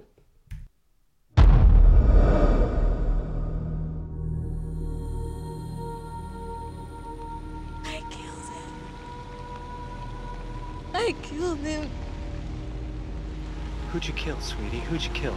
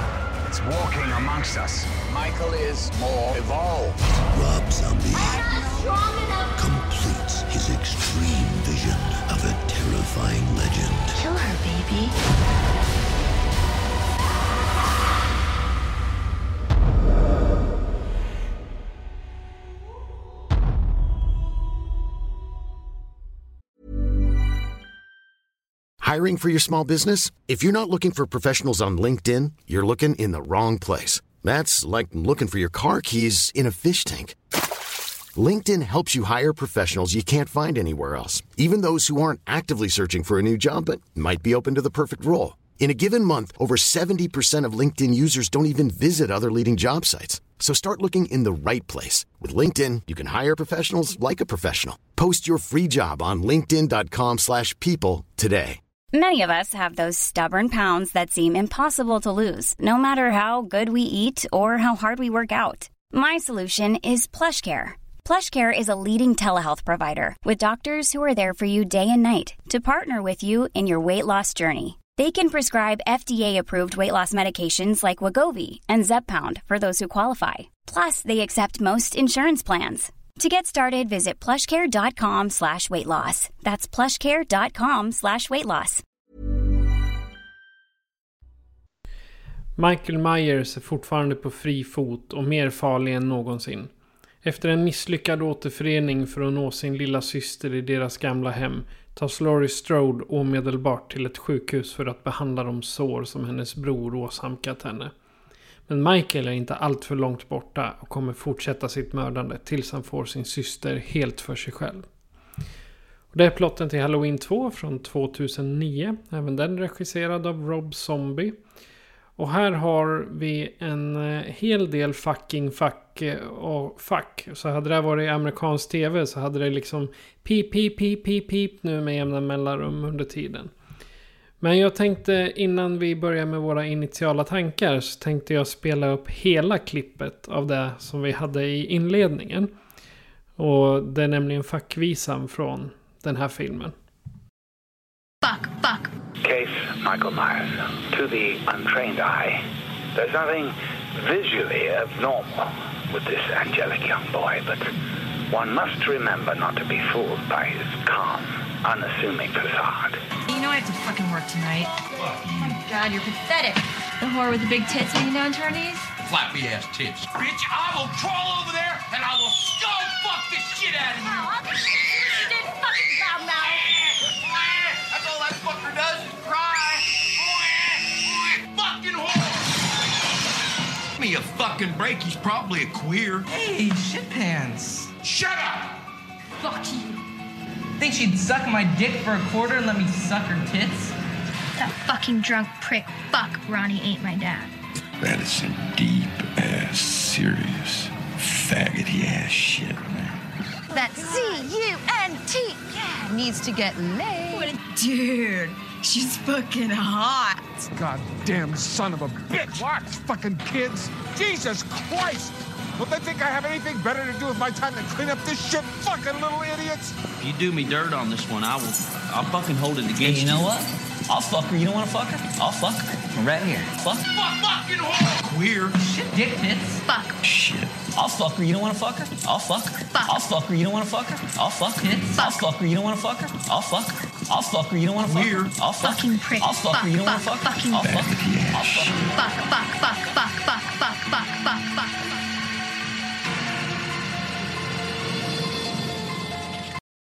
If you don't know Swedish then thank you the Hysteria Continues for this wonderful compilation.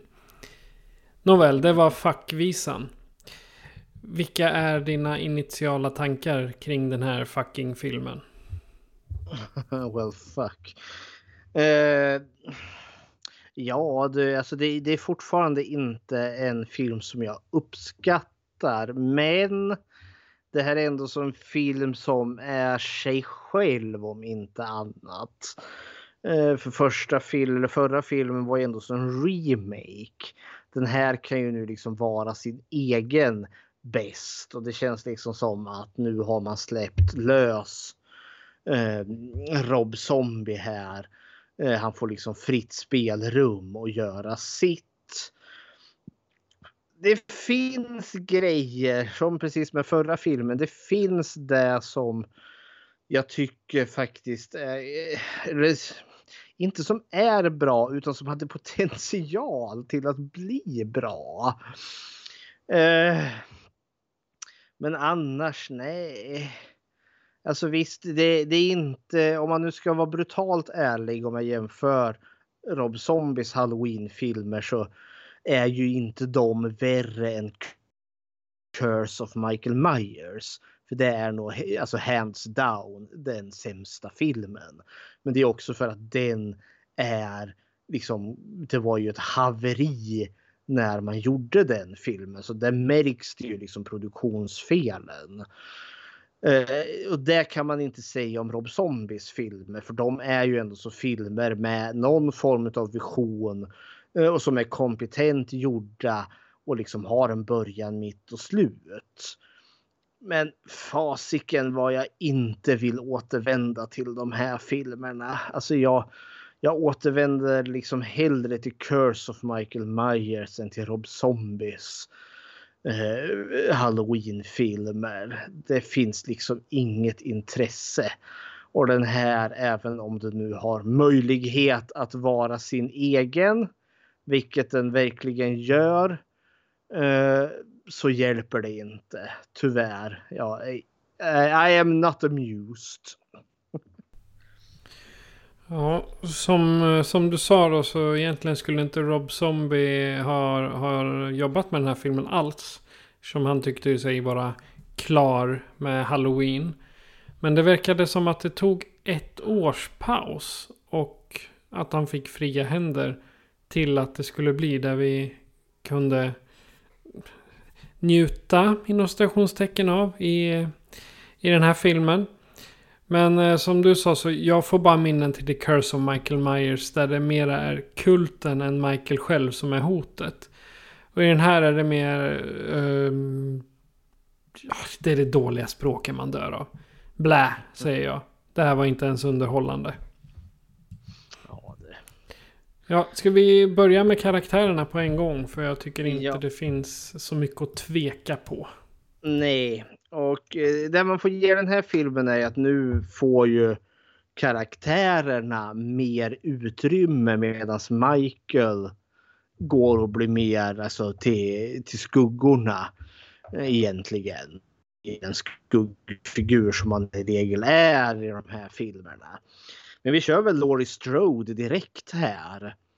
Eh, vad tycker du om Laurie i den här filmen? Alltså i den här filmen så är Laurie ett vrak. Verkligen. Mhm. Det är liksom I shot him, I shot him, woho.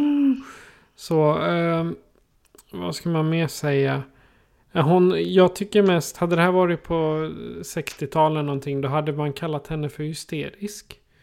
Hade hon varit, det är ungefär vad hon är genom hela filmen. Och det skulle jag, det är ju ingenting man, jag ska inte säga missunnar henne, men det är ju inte så förvånande med tanke på att typ alla omkring henne dör. Varenda vän, varenda familjemedlem, Mm. allt. Alla bara dör. Och allt är Michael Myers fel. Ja, alltså. Hon, är inte den här ju- vettiga som hon är i, i första filmen. Alltså, för, missförstå mig rätt, vettiga inom stationstecken. Hon är... Här så, hon, hon är bara rädd hela tiden. Hon bara skriker och gråter. Ja, och det, det jag ska ge den här filmen ändå med porträtteringen av Laurie Strode är ju liksom att hon, hon lider ju så uppenbart av posttraumatisk stress. Och liksom har den här psykiska ohälsan. Eh, problemet blir att hon är så osympatisk i det här.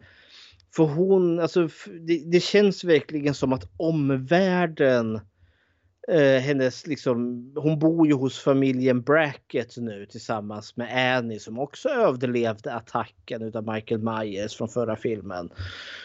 Eh, att de verkligen liksom har ansträngt sig. Alltså de verkligen blöder ut sina hjärtan till henne. Och liksom vännerna liksom omfamnar, man försöker ge henne all möjlig hjälp och hon bara gapar och skriker och svär och liksom stöter dem ifrån sig. Alltså hon, är, hon är så otrevlig. Och samtidigt tänker jag liksom det, det, det, är realistiskt också för hon, hon är jätteotrevlig mot Annie. Eh, liksom, vi får en scen med Annie där sen där hon liksom skriker tillbaka äntligen. Liksom, tror du att du var den enda som drabbades? Liksom, jag har också R. Michael knivhögg mig med. Men liksom allt handlar om henne. Alltså Laurie hela tiden. Men Laurie, vi får ju en nyckelscen där när Laurie är med sin eh, terapeut. Spelad av Margot Kidder, kanske mest känd som Louis från eh, Louis från Stålmannen-filmerna. De gamla härliga. Eh, att varje gång hon ser Annie så, så påminns hon om traumat. Eh, och, eh, och att hon också på någon nivå känner att det här är hennes fel. Hon har väl någon som form av överlevnadsskuld. Och jag hade köpt allt det där om vi hade fått någon form utav liksom där hon Alltså efter att liksom ha behandlat hela sin omvärld så jävla pissigt som hon gör eftersom att hon mår dåligt. Alla måste liksom trösta och alla ställer ju upp och hon skriker bara och svär åt dem. Att hon någonstans där på vägen liksom man får liksom en försonande scen när hon liksom kan liksom komma ur sitt trauma. Liksom se att man, hon uppskattar hjälpen. Men nej, vi får inget det utan det är verkligen bara hennes skrik och gap och gråt show. Eh, hon blir så jäkla osympatisk. Så att eh, alltså, jag tappar liksom sympatin för henne. Så i slutändan när, liksom, när hon ska fly från Michael så sitter jag liksom där mest bara, jag, jag bryr mig inte. Och Michael liksom maler ner. Ja men det var lite så tyvärr. Och de har också liksom kört lite den här att hon blir som en jättetrulig tonåring. Hon har liksom eh, graffitimålat sin vägg eller det rummet som hon nu bor i. Liksom det upp och nervända kors och djävulskt pentagram. Och en stor jävla poster på Charles Manson. Jag tänkte vad fan hände här? Är det här hennes sätt att hantera eh, traumat? Och det visst, jag kan köpa det. Men fan, man måste ha gjort något mer med att, liksom, att hon är den här liksom osympatiska gap och skrik. Svär. Allt handlar om mig. Hela jävla världen. Det, handlar, det, det, är bara jag som kan sörja. Det är så jävla synd om mig. Behu, behu, behu, behu, behu. Fy för den lee satan. ja, hon är, alltså, hon är väldigt egoistisk. Det, det kan jag hålla med ja. om. Och som sagt, hon skulle ju... Ja, hon, hon går ju i terapi, men det, det känns ju inte som att den hjälper särskilt mycket. Nej, och det, det, hon vill ju, för hon är inte mottaglig för terapin också. För liksom eh, att liksom gå igenom en sån här process är inte enkelt. Och där kan en film eh, mycket väl få porträttera. Men jag tycker inte att det funkar så väl i den här filmen. Uh, samtidigt så är det också att Laurie Strode är fullständigt jävla omedveten om Myers närvaro fram till typ filmens sista halvtimme. Uh, och det kan vi också ge den här filmen. Den är på tok alldeles för jävla lång. Den är ju två timmar lång. Nej. De hade kunnat klippt bort en hel del till att göra det till bara en och en halv max. Eller kanske Ja. 15 minuter. Det hade också varit skönt. Det är, det är väldigt mycket utfyllnadsscener i den här filmen. Ja, ja. Eh, Laurie Strode som... Ja, nej, usch. Jag tycker inte alls att hon en trevlig och trivsam karaktär. Och jag hejar inte på henne. Jag tycker inte synd om henne. Jag bara känner... Äh. Ska vi gå till en annan trevlig karaktär där då? Dr. Loomis. alltså jag tycker filmen. ännu mindre om honom i den här. oj, oj, oj, vilket ja, det... svin han har blivit i den här filmen. Mm -hmm. Och jag, jag, tycker det är rätt så intressant att de har valt att göra honom till just det, det svinet. Alltså han, han går och gör, gör sig pengar på Loris eh, Ja, Loris, Angels, alla de där. Han hänger liksom ut allihopa. Hade det mm. där varit idag, då hade han haft en blogg som han hänger ut varenda människa som har dold identitet i hela världen. Mm. Typ så.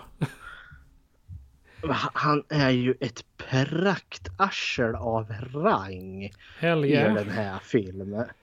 Och liksom det, det, alltså, om Laura Strode, att hon har utvecklats som hon har gjort i den här filmen. Det köper jag ändå som är det som har hänt från första filmen.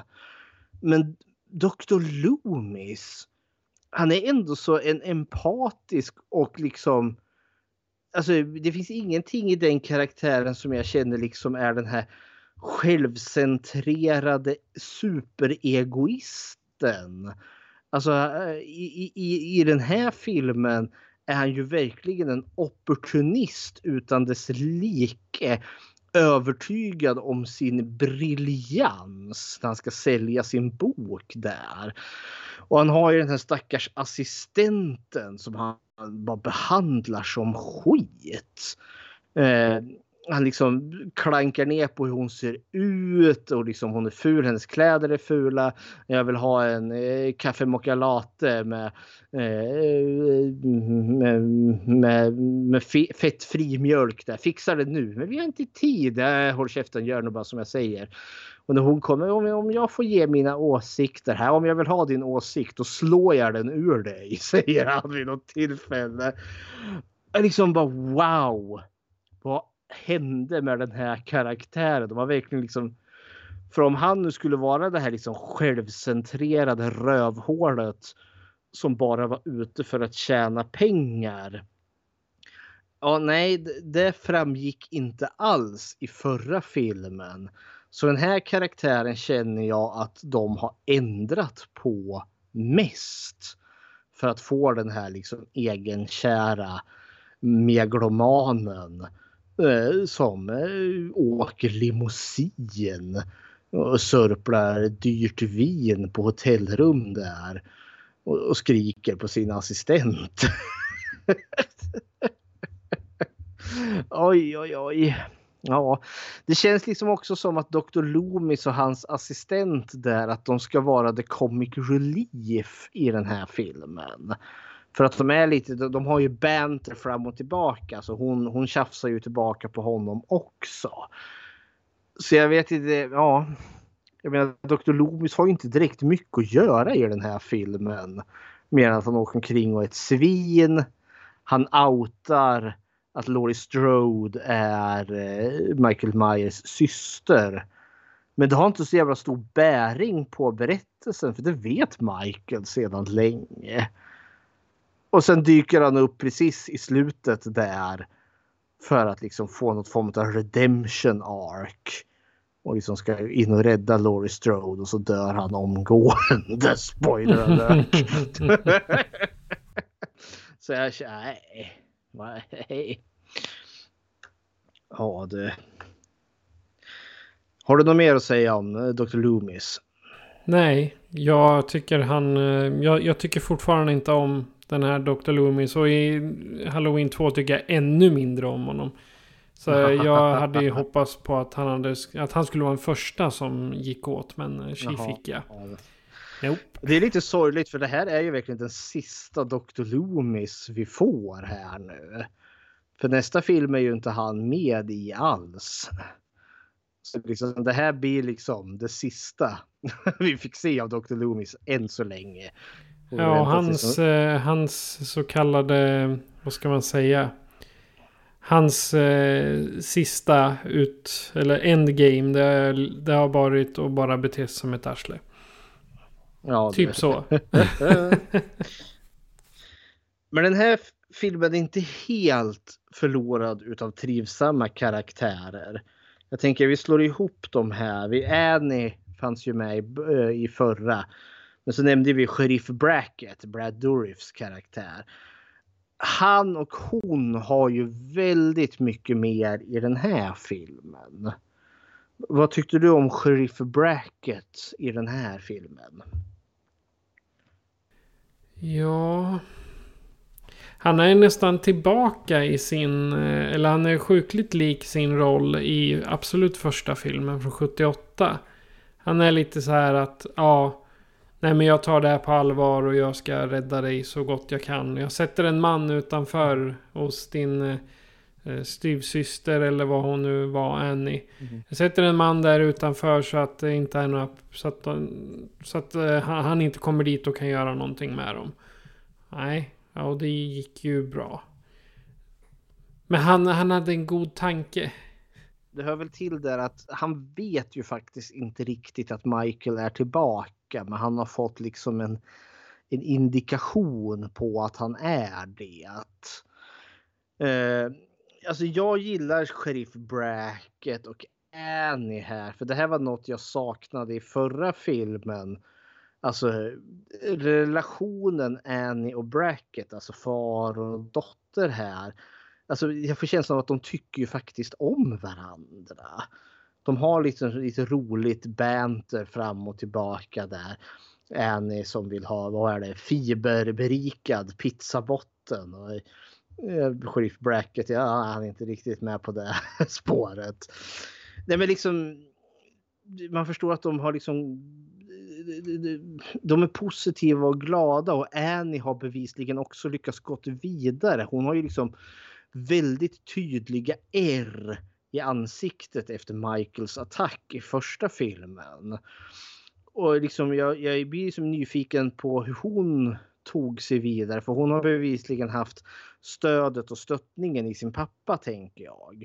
Laurie Strodes familj har ju utplånats eh, totalt. Eh, men de har ju också varit så hyggliga att de har ju tagit sig an henne. Hon bor ju liksom i deras hus.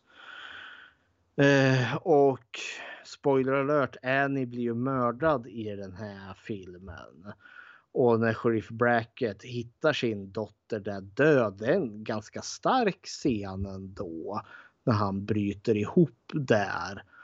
Liksom bara liksom har den här förtvivlade skriket när han ser sin döda dotter där.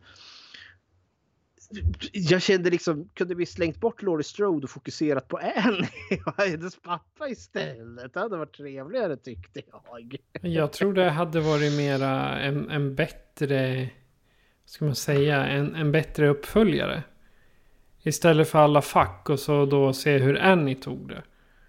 Liksom stick Men det är väl också en variant Strode. i och med att de ändå så lät Säg, säg åt henne, vi låser in henne på, någon, på mentalsjukhus ensam och så följer vi Annie istället. Ja men det är så liksom behåll Laurie Strode där då. Men ha Annie som huvudperson eftersom att vi ändå så hon fick överleva från film nummer två. Eller från film nummer ett och få vara med i film nummer två. Gör henne till the final girl så vi kan få se det här ur hennes perspektiv när Michael kommer tillbaka för att jaga Laurie Strode. Hellre det. Ja, men man kan alltid drömma. Annars tycker jag liksom att det här är detsamma som förra filmen. Vi introduceras en hel del som liksom blir kanonmat. Det finns två tjejkompisar till Laurie Strode. Eh, Harley och eh, Mia. Men ja, jag tycker inte att alltså, de är verkligen mest till för att liksom de ska åka på att Kanonmat. de är kanonmat och har liksom inte mycket mer än så. Sen är det en för jäkla massa karaktärer som introduceras bara strax innan Myers kommer och våldsamt mördar dem.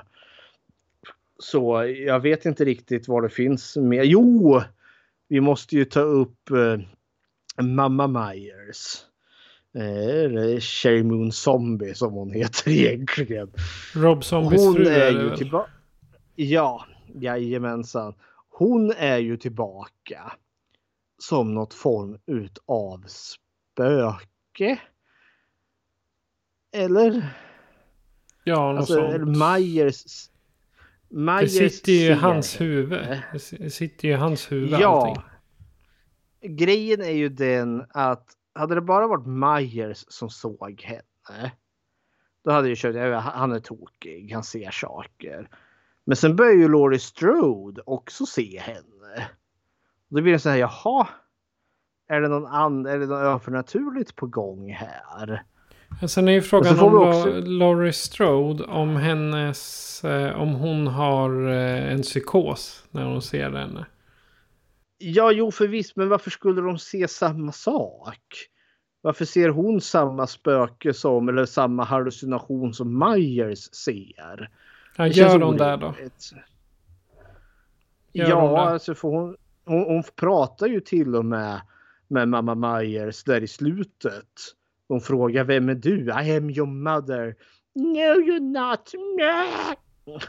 Hon liksom blir ju nerhållen utav anden utav den unga, alltså den tioåriga Michael Myers. Hon tror liksom att hennes yngre bror där, eller äldre bror blir det ju, håller ner henne. Så hon ser ju exakt samma sak som Myers gör. Och de hintar ju till och med någon gång när de sitter där och äter. De äter pizzan där. Och då klipper vi ju samtidigt med att Michael Myers har mördat en hund och börjar äta på hunden. Och att när hon Mm. stoppar pizzan i munnen, ja då, då börjar hon kräkas för hon liksom får en äckelkänsla i munnen. Och då finns det liksom så här, jaha är de telepatiskt länkade? Så hon liksom, när hon åt pizzan så kände hon liksom den här råa hunden som Myers höll på åt. Ugh, jag vill inte. Nej, det är inget, inget trevligt. En annan grej som stör mig med den karaktär, alltså att eh, mamma Myers kommer tillbaka. Är att, alltså för det är återigen varför jag inte gillar den här tolkningen av Michael Myers. För, för här har vi återigen liksom en maskbeklädd mördare som är styrd utav sin mamma, liksom sin mammas pojke.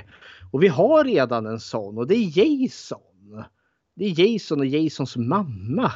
Alltså där har du ju verkligen liksom mammas pojke, liksom Pamela Voorhees pratar till han i, liksom, i, hans eget huvud där då. Och Psycho. Det är samma sak där. Det är också hans mamma. Ja, Psycho där. Ja.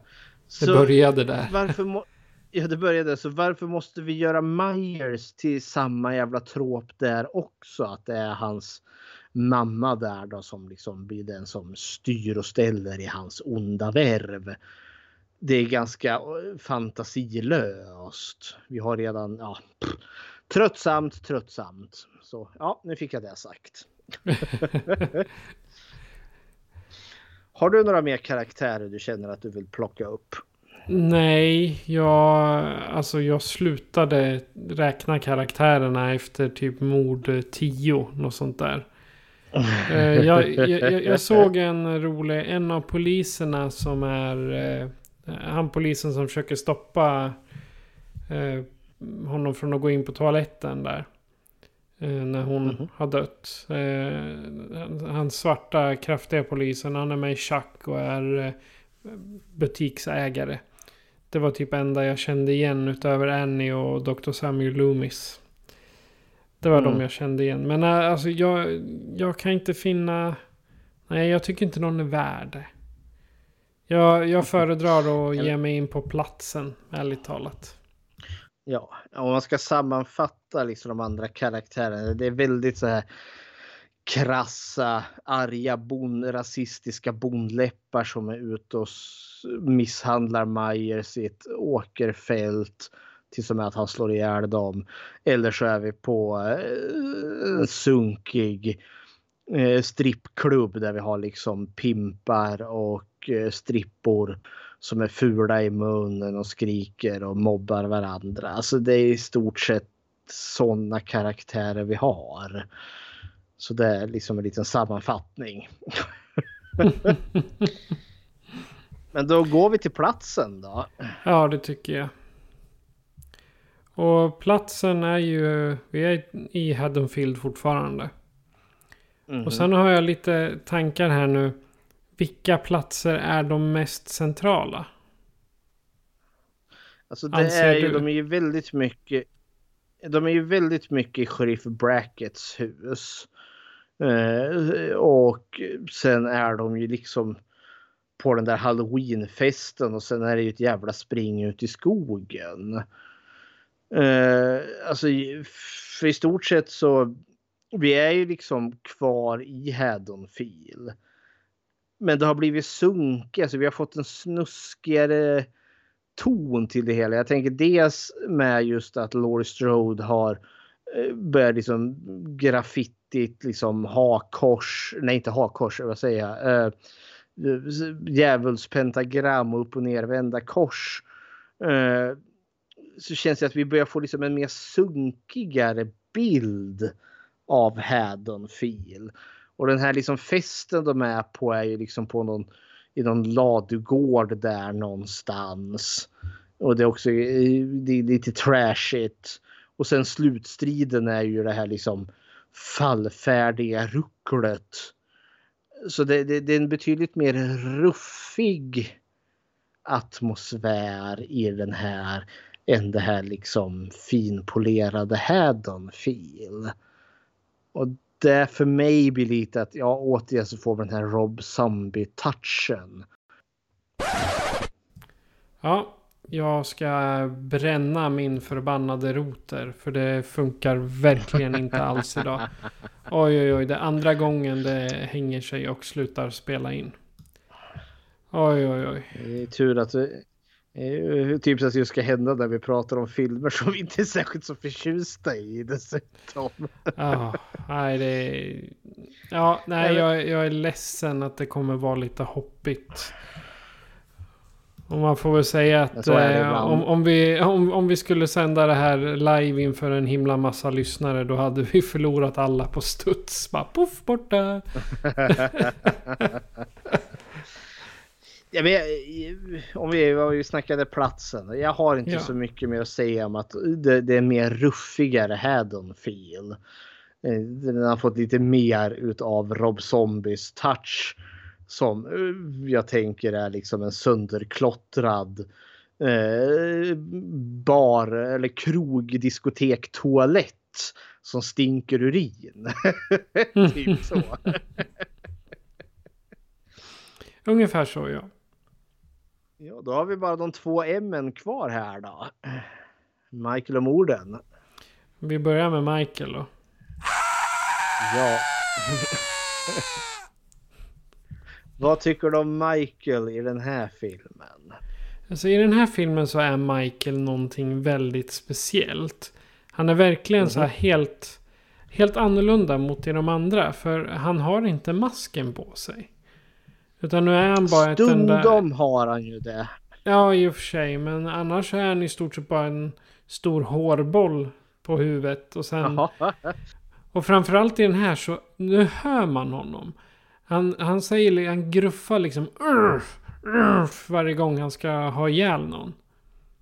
Han kan inte liksom inte tänkt på tygla det? sitt vrede. Jo, då, jag tänkte på det. Han kan liksom inte tygla sitt vrede för det, liksom, det kommer verkligen fram där. Att, liksom, att liksom bakom varje hugg så finns det typ hat. Liksom, "Ah! Fy fan vad du ska dö. Och så Exakt. pratar han ju till och med. Han, eller, han säger ett ord och det är innan han knivhugger Dr. Loomis så skriker han ju ut Die! Och så bläff. Alltså grej, vi får ju se Myers utan masken här väldigt mycket och det är ju väldigt mycket så här hemlösa Myers känns det som. För han har ju liksom trasiga kläder och han har det här liksom enorma skägget. Det är verkligen hobo Michael. Och det är väl kanske mer naturligt om han nu sprang, har levt i skogen i ett år. Men något jag måste ställa frågan, för de tjatar om i den här filmen att de kunde inte hitta hans kropp. För så som, så som förra filmen slutar är ju att Laurie Strode skjuter ju honom rakt i ansiktet med eh, Dr. Loomis revolver. Och men alla är ändå så helt liksom, okej, okej, alltså det, det, det är halloween såklart. Michael Myers traskade iväg. Eh, det köper jag väl. Men just att ingen har hittat hans kropp men alla är helt övertygade om att han är död. Hur, hur går det ihop? Evil never dies. Ja men liksom hur kan de vara till och med sheriff Bracket där? Liksom, varför, är inte mer, varför är inte mer folk oroade över att Michaels kropp inte hittades? Liksom förklaringen man får liksom att ja, men en kropp kan väl försvinna från bårhuset, la di da di da. Liksom bara nej.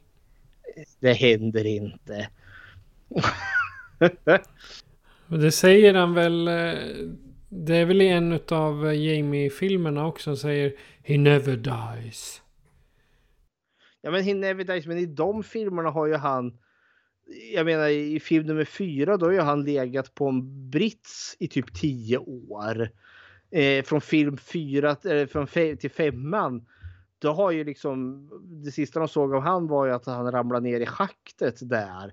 Och så sprängde de ju liksom det åt helvete. Så där kan jag köpa att ja, de inte hittar honom.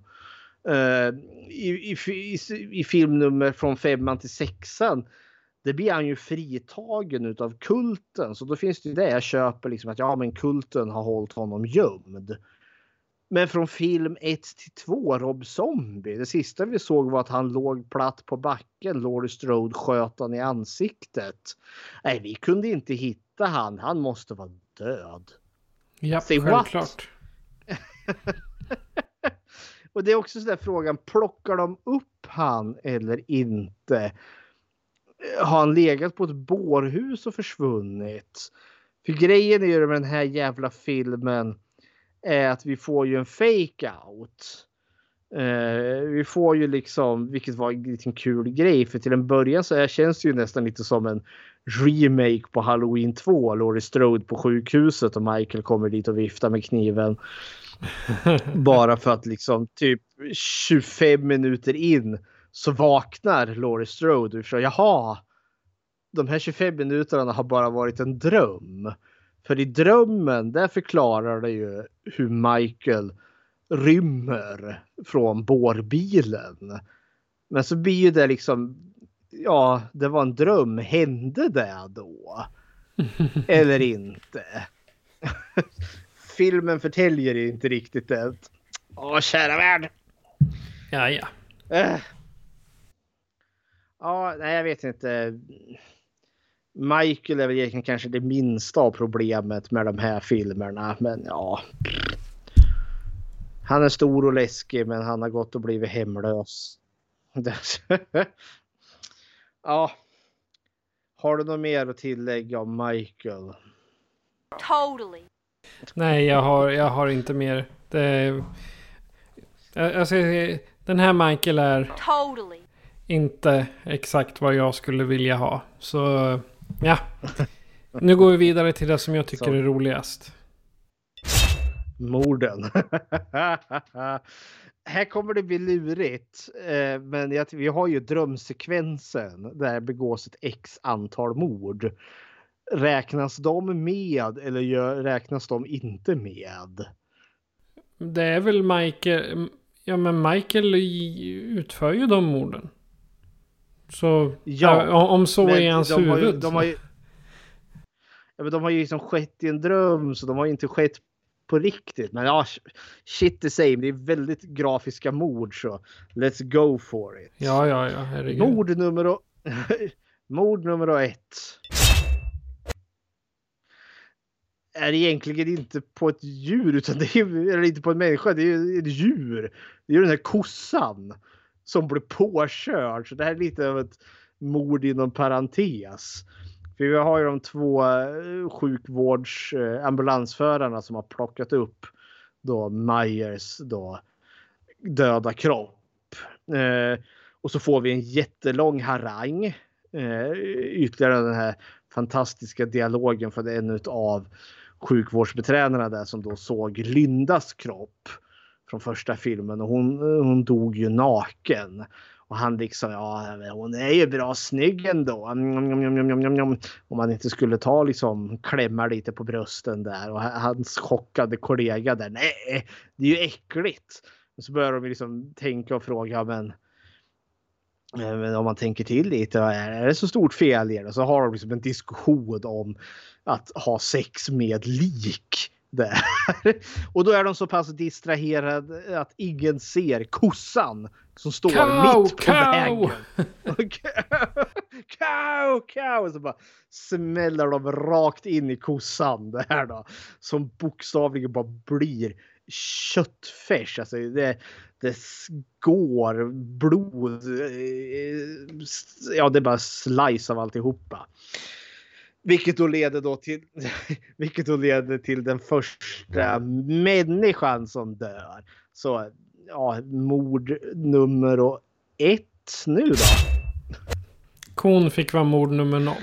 är ju då mord nummer noll, att inleda eller att värma upp mord här.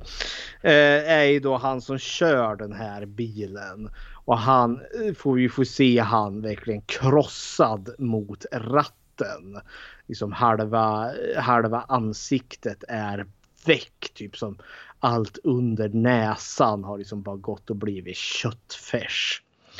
Mord nummer två är ju då den här mannen som eh, hade den här långa harangen om att ha sex med lik. Eh, vi får en jättelång scen eh, där han liksom bara sitter och skriker eh, Eh, hur länge som helst eh, innan Michael kommer upp. Eh, och Michael hittar en av glasskärvorna där och så metodiskt sågar han av huvudet på honom. Och då snackar vi verkligen att vi får se hur han liksom sågar och liksom kött och senor lossnar och han sågar lite till och så får vi med liksom kött och senor och han sågar lite till innan han slutligen avlägsnar hela huvudet. Mord nummer tre. Är då på den här sjuksyrran. Spelad som då heter Syster Daniels. Som är då spelad av Octa Octavia Spencer. Vilket jag tycker är lite kul för Octavia Spencer har ju senare vunnit en Oscar. Så jag med en sån här jävla trashy film. Hon kanske hon gjorde som Christopher verkligen... Lee där. För Christopher Lee som var med i de här eh, Dracula-filmerna bara för att hans kompisar skulle mm. tjäna lite pengar. Hon kanske gjorde likadant här. Eller så hade hon slut själv. hon blir ju verkligen tokmördad av Michael. Alltså hans eh, knivhugger väl henne säkert 15 gånger i ryggen innan han slutligen planterar kniven i huvudet på henne. Eh, mord nummer fyra. Hon hittar, när Laurie Strode håller på att fly där så hittar hon ju en äldre kvinna eh, död i, i trapphuset då med ögonen intryckta ser det ut som. Eh, mord nummer fem. Är ju då Buddy heter han, mannen som gömmer Laurie Strode i eh, det här lilla huset, eh, det lilla vaxbåshuset. Som får sig en yxa i ryggen. Eh, vid ett obevakat tillfälle där. Och det är då drömmen tar slut där. Mord nummer sex. Är då en hillbilly bondläpp eh, som är ute och far tillsammans med sin kompis och sin dotter.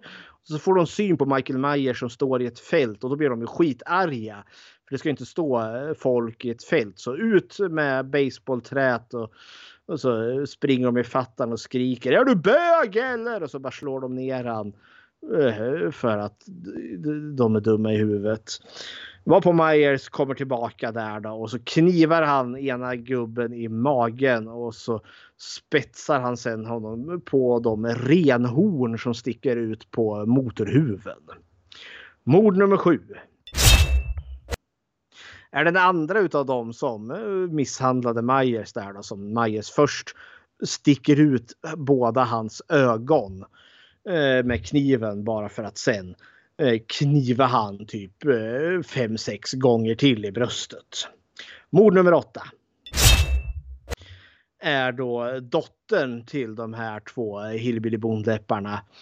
Eh, som eh, blir utdragen ur bilen, utsläpad i fältet och sen är det typ 5-6 knivhugg i bröstet och sen är hon död. Mord nummer 9 är då mannen som är tvungen att ta ut soporna från strippklubben där då. Han är så jävla sur att han är tvungen att ta ut soporna. Han går och svär och muttrar för sig själv. Och så möter han ju Michael Myers som står där. Och vad gör man i den här filmen, eller filmerna, när man möter Michael Myers? Jo, man börjar ju genast bitcha. Liksom, ska du komma hit och få stryk eller? Fy fan, du är så jävla äcklig och bög. Och det uppskattar ju inte Myers alls. Eh, så han eh, knuffar ju omkull den här mannen och sen stampar han på hans huvud fyra, fem gånger tills som är att det liksom är köttfärs. Liksom skallen har krossats och järnsubstanserna bara sprutat ut. Det är ju inte Må så alltså, att, han, att han bara mördar dem lite fin, eh, finkänsligt så här, utan han begår ju liksom överlagda, överlagda mord. Ja, men väldigt mycket övervåld. Ja, övervåld, övervåldiga, överlagda, överlagda mord. Mm. Ja, nu ska vi se. Mord nummer 10. är då ägaren till strippklubben där då som är precis i färd med att ha sex med en av stripporna där. Då hon ligger helt naken, eh, lutat sig helt naken över hans skrivbord och han kommer ju där dagen till ära utklädd som Frankenstein och, och liksom kliver mot henne och säger Frankenstein wants to put it in the ass. Så vi har liksom, ja. Återigen den jävla tonen, nivån den här filmen ligger på. Men det blir inga analsex för Frankenstein för Michael Myers kommer i vägen där.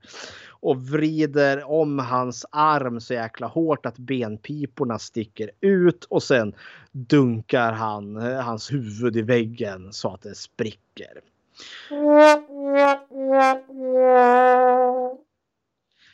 Mord nummer 11 är då den här helt nakna kvinnan som eh, Frankenstein skulle ha sex med. Så återigen har vi som helt nakna kvinnor här som blir mördade. Eh, Myers eh, tar tag i henne och så dunkar han hennes ansikte upprepade gånger in i en spegelvägg där då, så att hon skär sig sönder och samman på spegelskärvorna. Mord nummer 12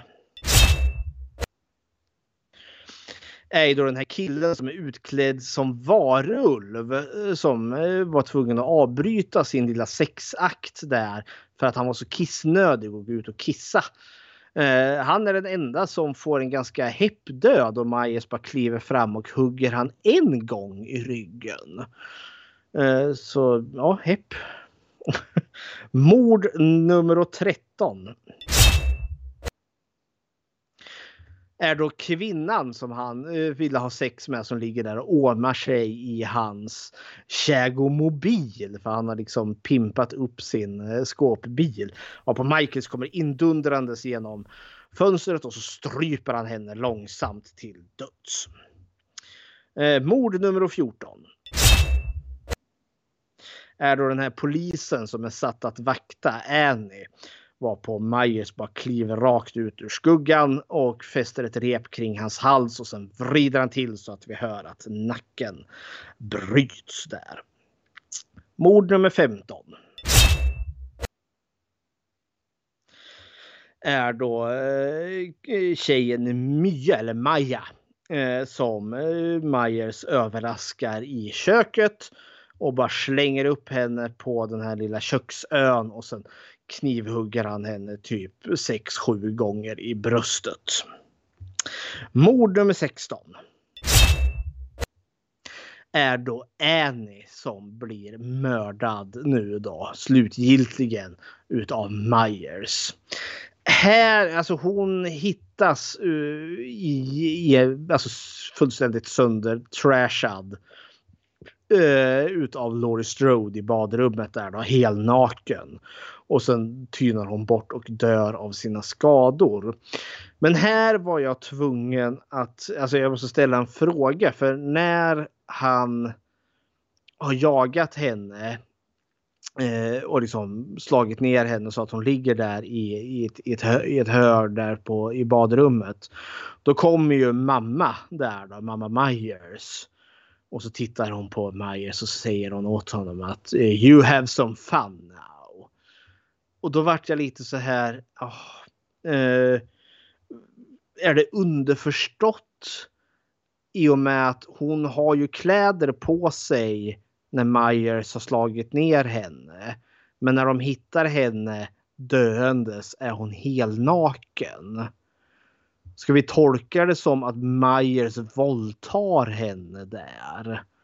För just den här repliken som mamma Meyer säger You have some fun now är en ganska typisk replik för så filmvåldtäktsmän. I gonna have myself a good time now. Liksom, för att liksom poängtera hur grisiga och vidriga de är. Uh, för mina tankar gick dit. Hur tolkar du det Patrik? Ja, eftersom han lämnar henne vid liv. Så är jag mm. återigen inne på det här att eh, Rob Zombie har tagit upp det här som är på om det var i trean eller fyran, tredje eller fjärde filmen vi diskuterade, att han, han eh, dödar dem inte direkt, utan han väntar på att de, och se att de lider en stund. Liksom han tittar på dem och vickar på huvudet innan de dör. Och här har jag en känsla av att han går in hardcore och liksom han plågar ihjäl henne. I stort Mm. sett. Sen, eh, jag tror inte han har tillräckligt mycket innanför pannbenet för att förstå vad en eh, sexuell våldtäkt kan be- bestå av om man ska dra sig Nej. brallorna. Men å andra sidan en våldtäkt behöver ju nödvändigtvis inte vara med ett eh, samlag. Det finns ju andra saker, andra Jo. sätt också. Det är just för jag tänker på att hon hade kläder på sig innan han gick in och eh, have himself a good time och hon hade inga kläder på sig efter. Det är det som liksom ger alla möjliga varningsklockor som börjar ringa i mitt huvud. Men ja, återigen är det den här jävla krassa tonen som finns i de här filmerna som jag inte uppskattar alls. Så, öh. Eh. Nåväl, det är Annies död. Mord nummer 17.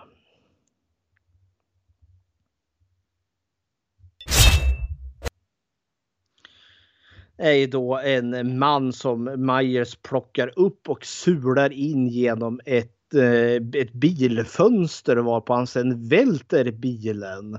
Och välter man en bil då självantänder de tydligen. Eh, Så bilen brinner upp med mannen i. Mord nummer 18.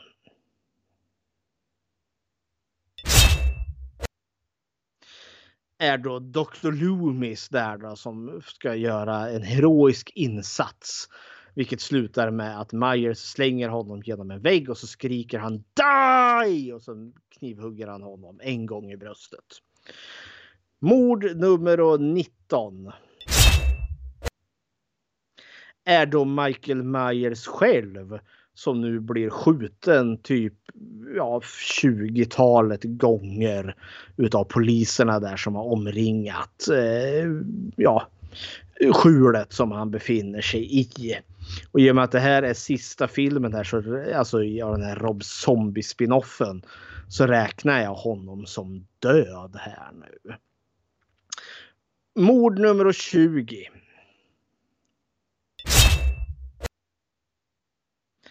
Är då Laurie Strode som då traskar ut dit, plockar upp kniven, står där och ser tokig ut vad då poliserna börjar skjuta på henne. Och så faller hon död ner. Med, och så spelas det en liten sång där Love hurts. Och eh, jag är mest bara nöjd att alla dog. Och det, är all, och det är då alla som dog i den här filmen. Eh, nu är ju av 20, av 20 dödsfall här så är inte alla de som Michael Myers har gjort sig skyldiga till. Men jag fick det till då att han begick 17 mord i den här filmen. Eh, 10 av dem på män, 7 av dem på kvinnor.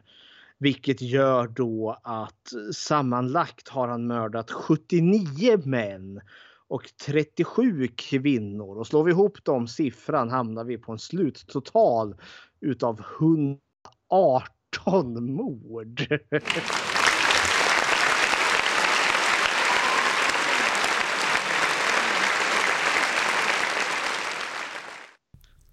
Okej. Men innan vi fortsätter kanske vi ska lyssna på musiken till Halloween 2.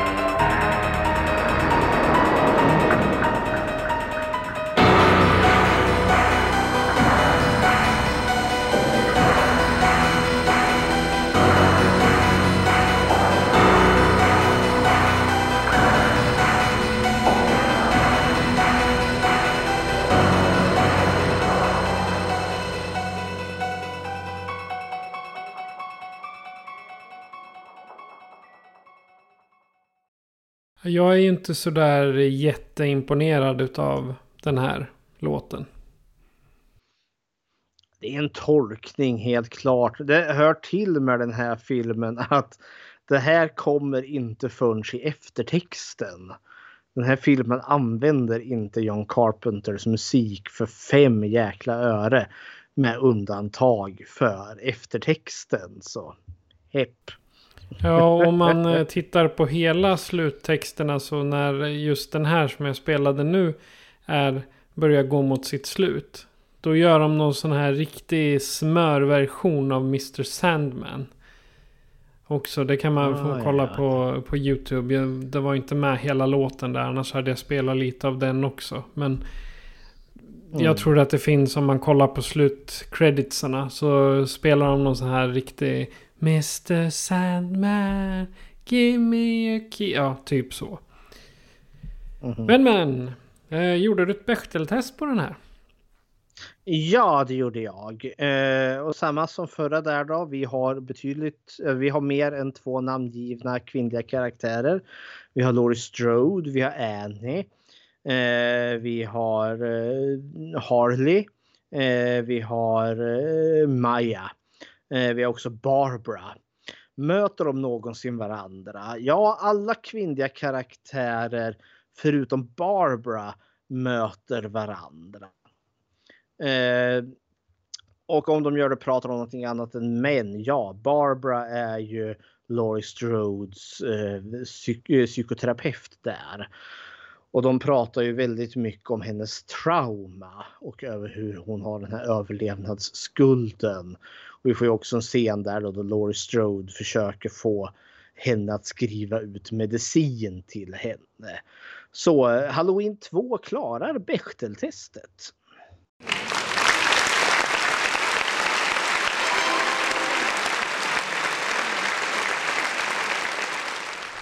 Så härligt. Men om du som lyssnare då tycker att det här stank skit, att det bara var blodiga mord och fuck. Eller om du tycker att vi är riktigt bra så kan du göra så här för att kontakta oss. Skräckfilmscirkeln presenteras av Patrik Norén och Fredrik Rosengren. Produktion FPN Productions. Besök skräckfilmscirkeln.com för att hitta var du kan lyssna på oss, hur du kan stödja oss och hur du kan kontakta oss. Vill du diskutera filmerna i avsnitten är du välkommen att gå med i gruppen Skräckfilmscirkeln Eftersnack på Facebook. Tack för att du lyssnar.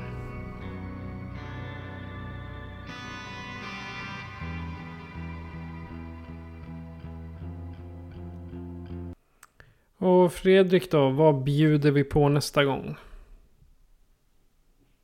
Ja, vi börjar ju närma oss slutet här nu. Eh, så nästa gång så avhandlar vi ju då Halloween 40 år senare. Eller den som bara heter Halloween. Men som har i folkmun gått och blivit Halloween 2018. Eh, där de nystartar allting igen. Och sen efter den, då blir det ju biodags. Då är det Halloween Kills som gäller. Men innan dess då, då är det ju då Halloween 2018 som gäller. Ytterst trevligt. Eh, nu är det så att jag tyckte inte någon av eh, låtarna från de här två eh, fackfilmerna passade in. Så därför har jag tagit in Belsemora och hans låt Bleeding for the Coin som avslut. Och eh, länkar till Belsemoras sociala medier och YouTube har jag lagt i avsnittsbeskrivningen. Men då har vi bara en sak kvar att säga och det är att jag heter Patrik. Och jag heter Fredrik. Du har lyssnat på Skräckfilmscirkeln. Adjö på er. Ajöken!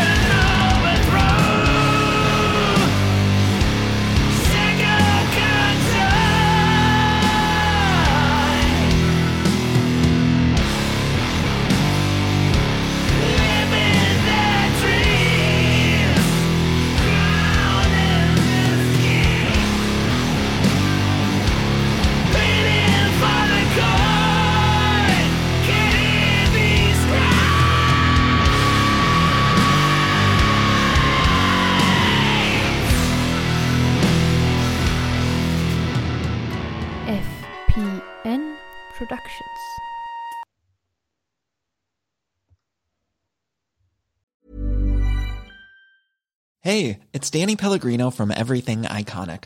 Ready to upgrade your style game without blowing your budget? Check out Quince. They've got all the good stuff shirts and polos, activewear, and fine leather goods, all at 50 to 80% less than other high end brands. And the best part? They're all about safe, ethical, and responsible manufacturing. Get that luxury vibe without the luxury price tag. Hit up quince.com slash upgrade for free shipping and 365 day returns on your next order. That's quince.com slash upgrade.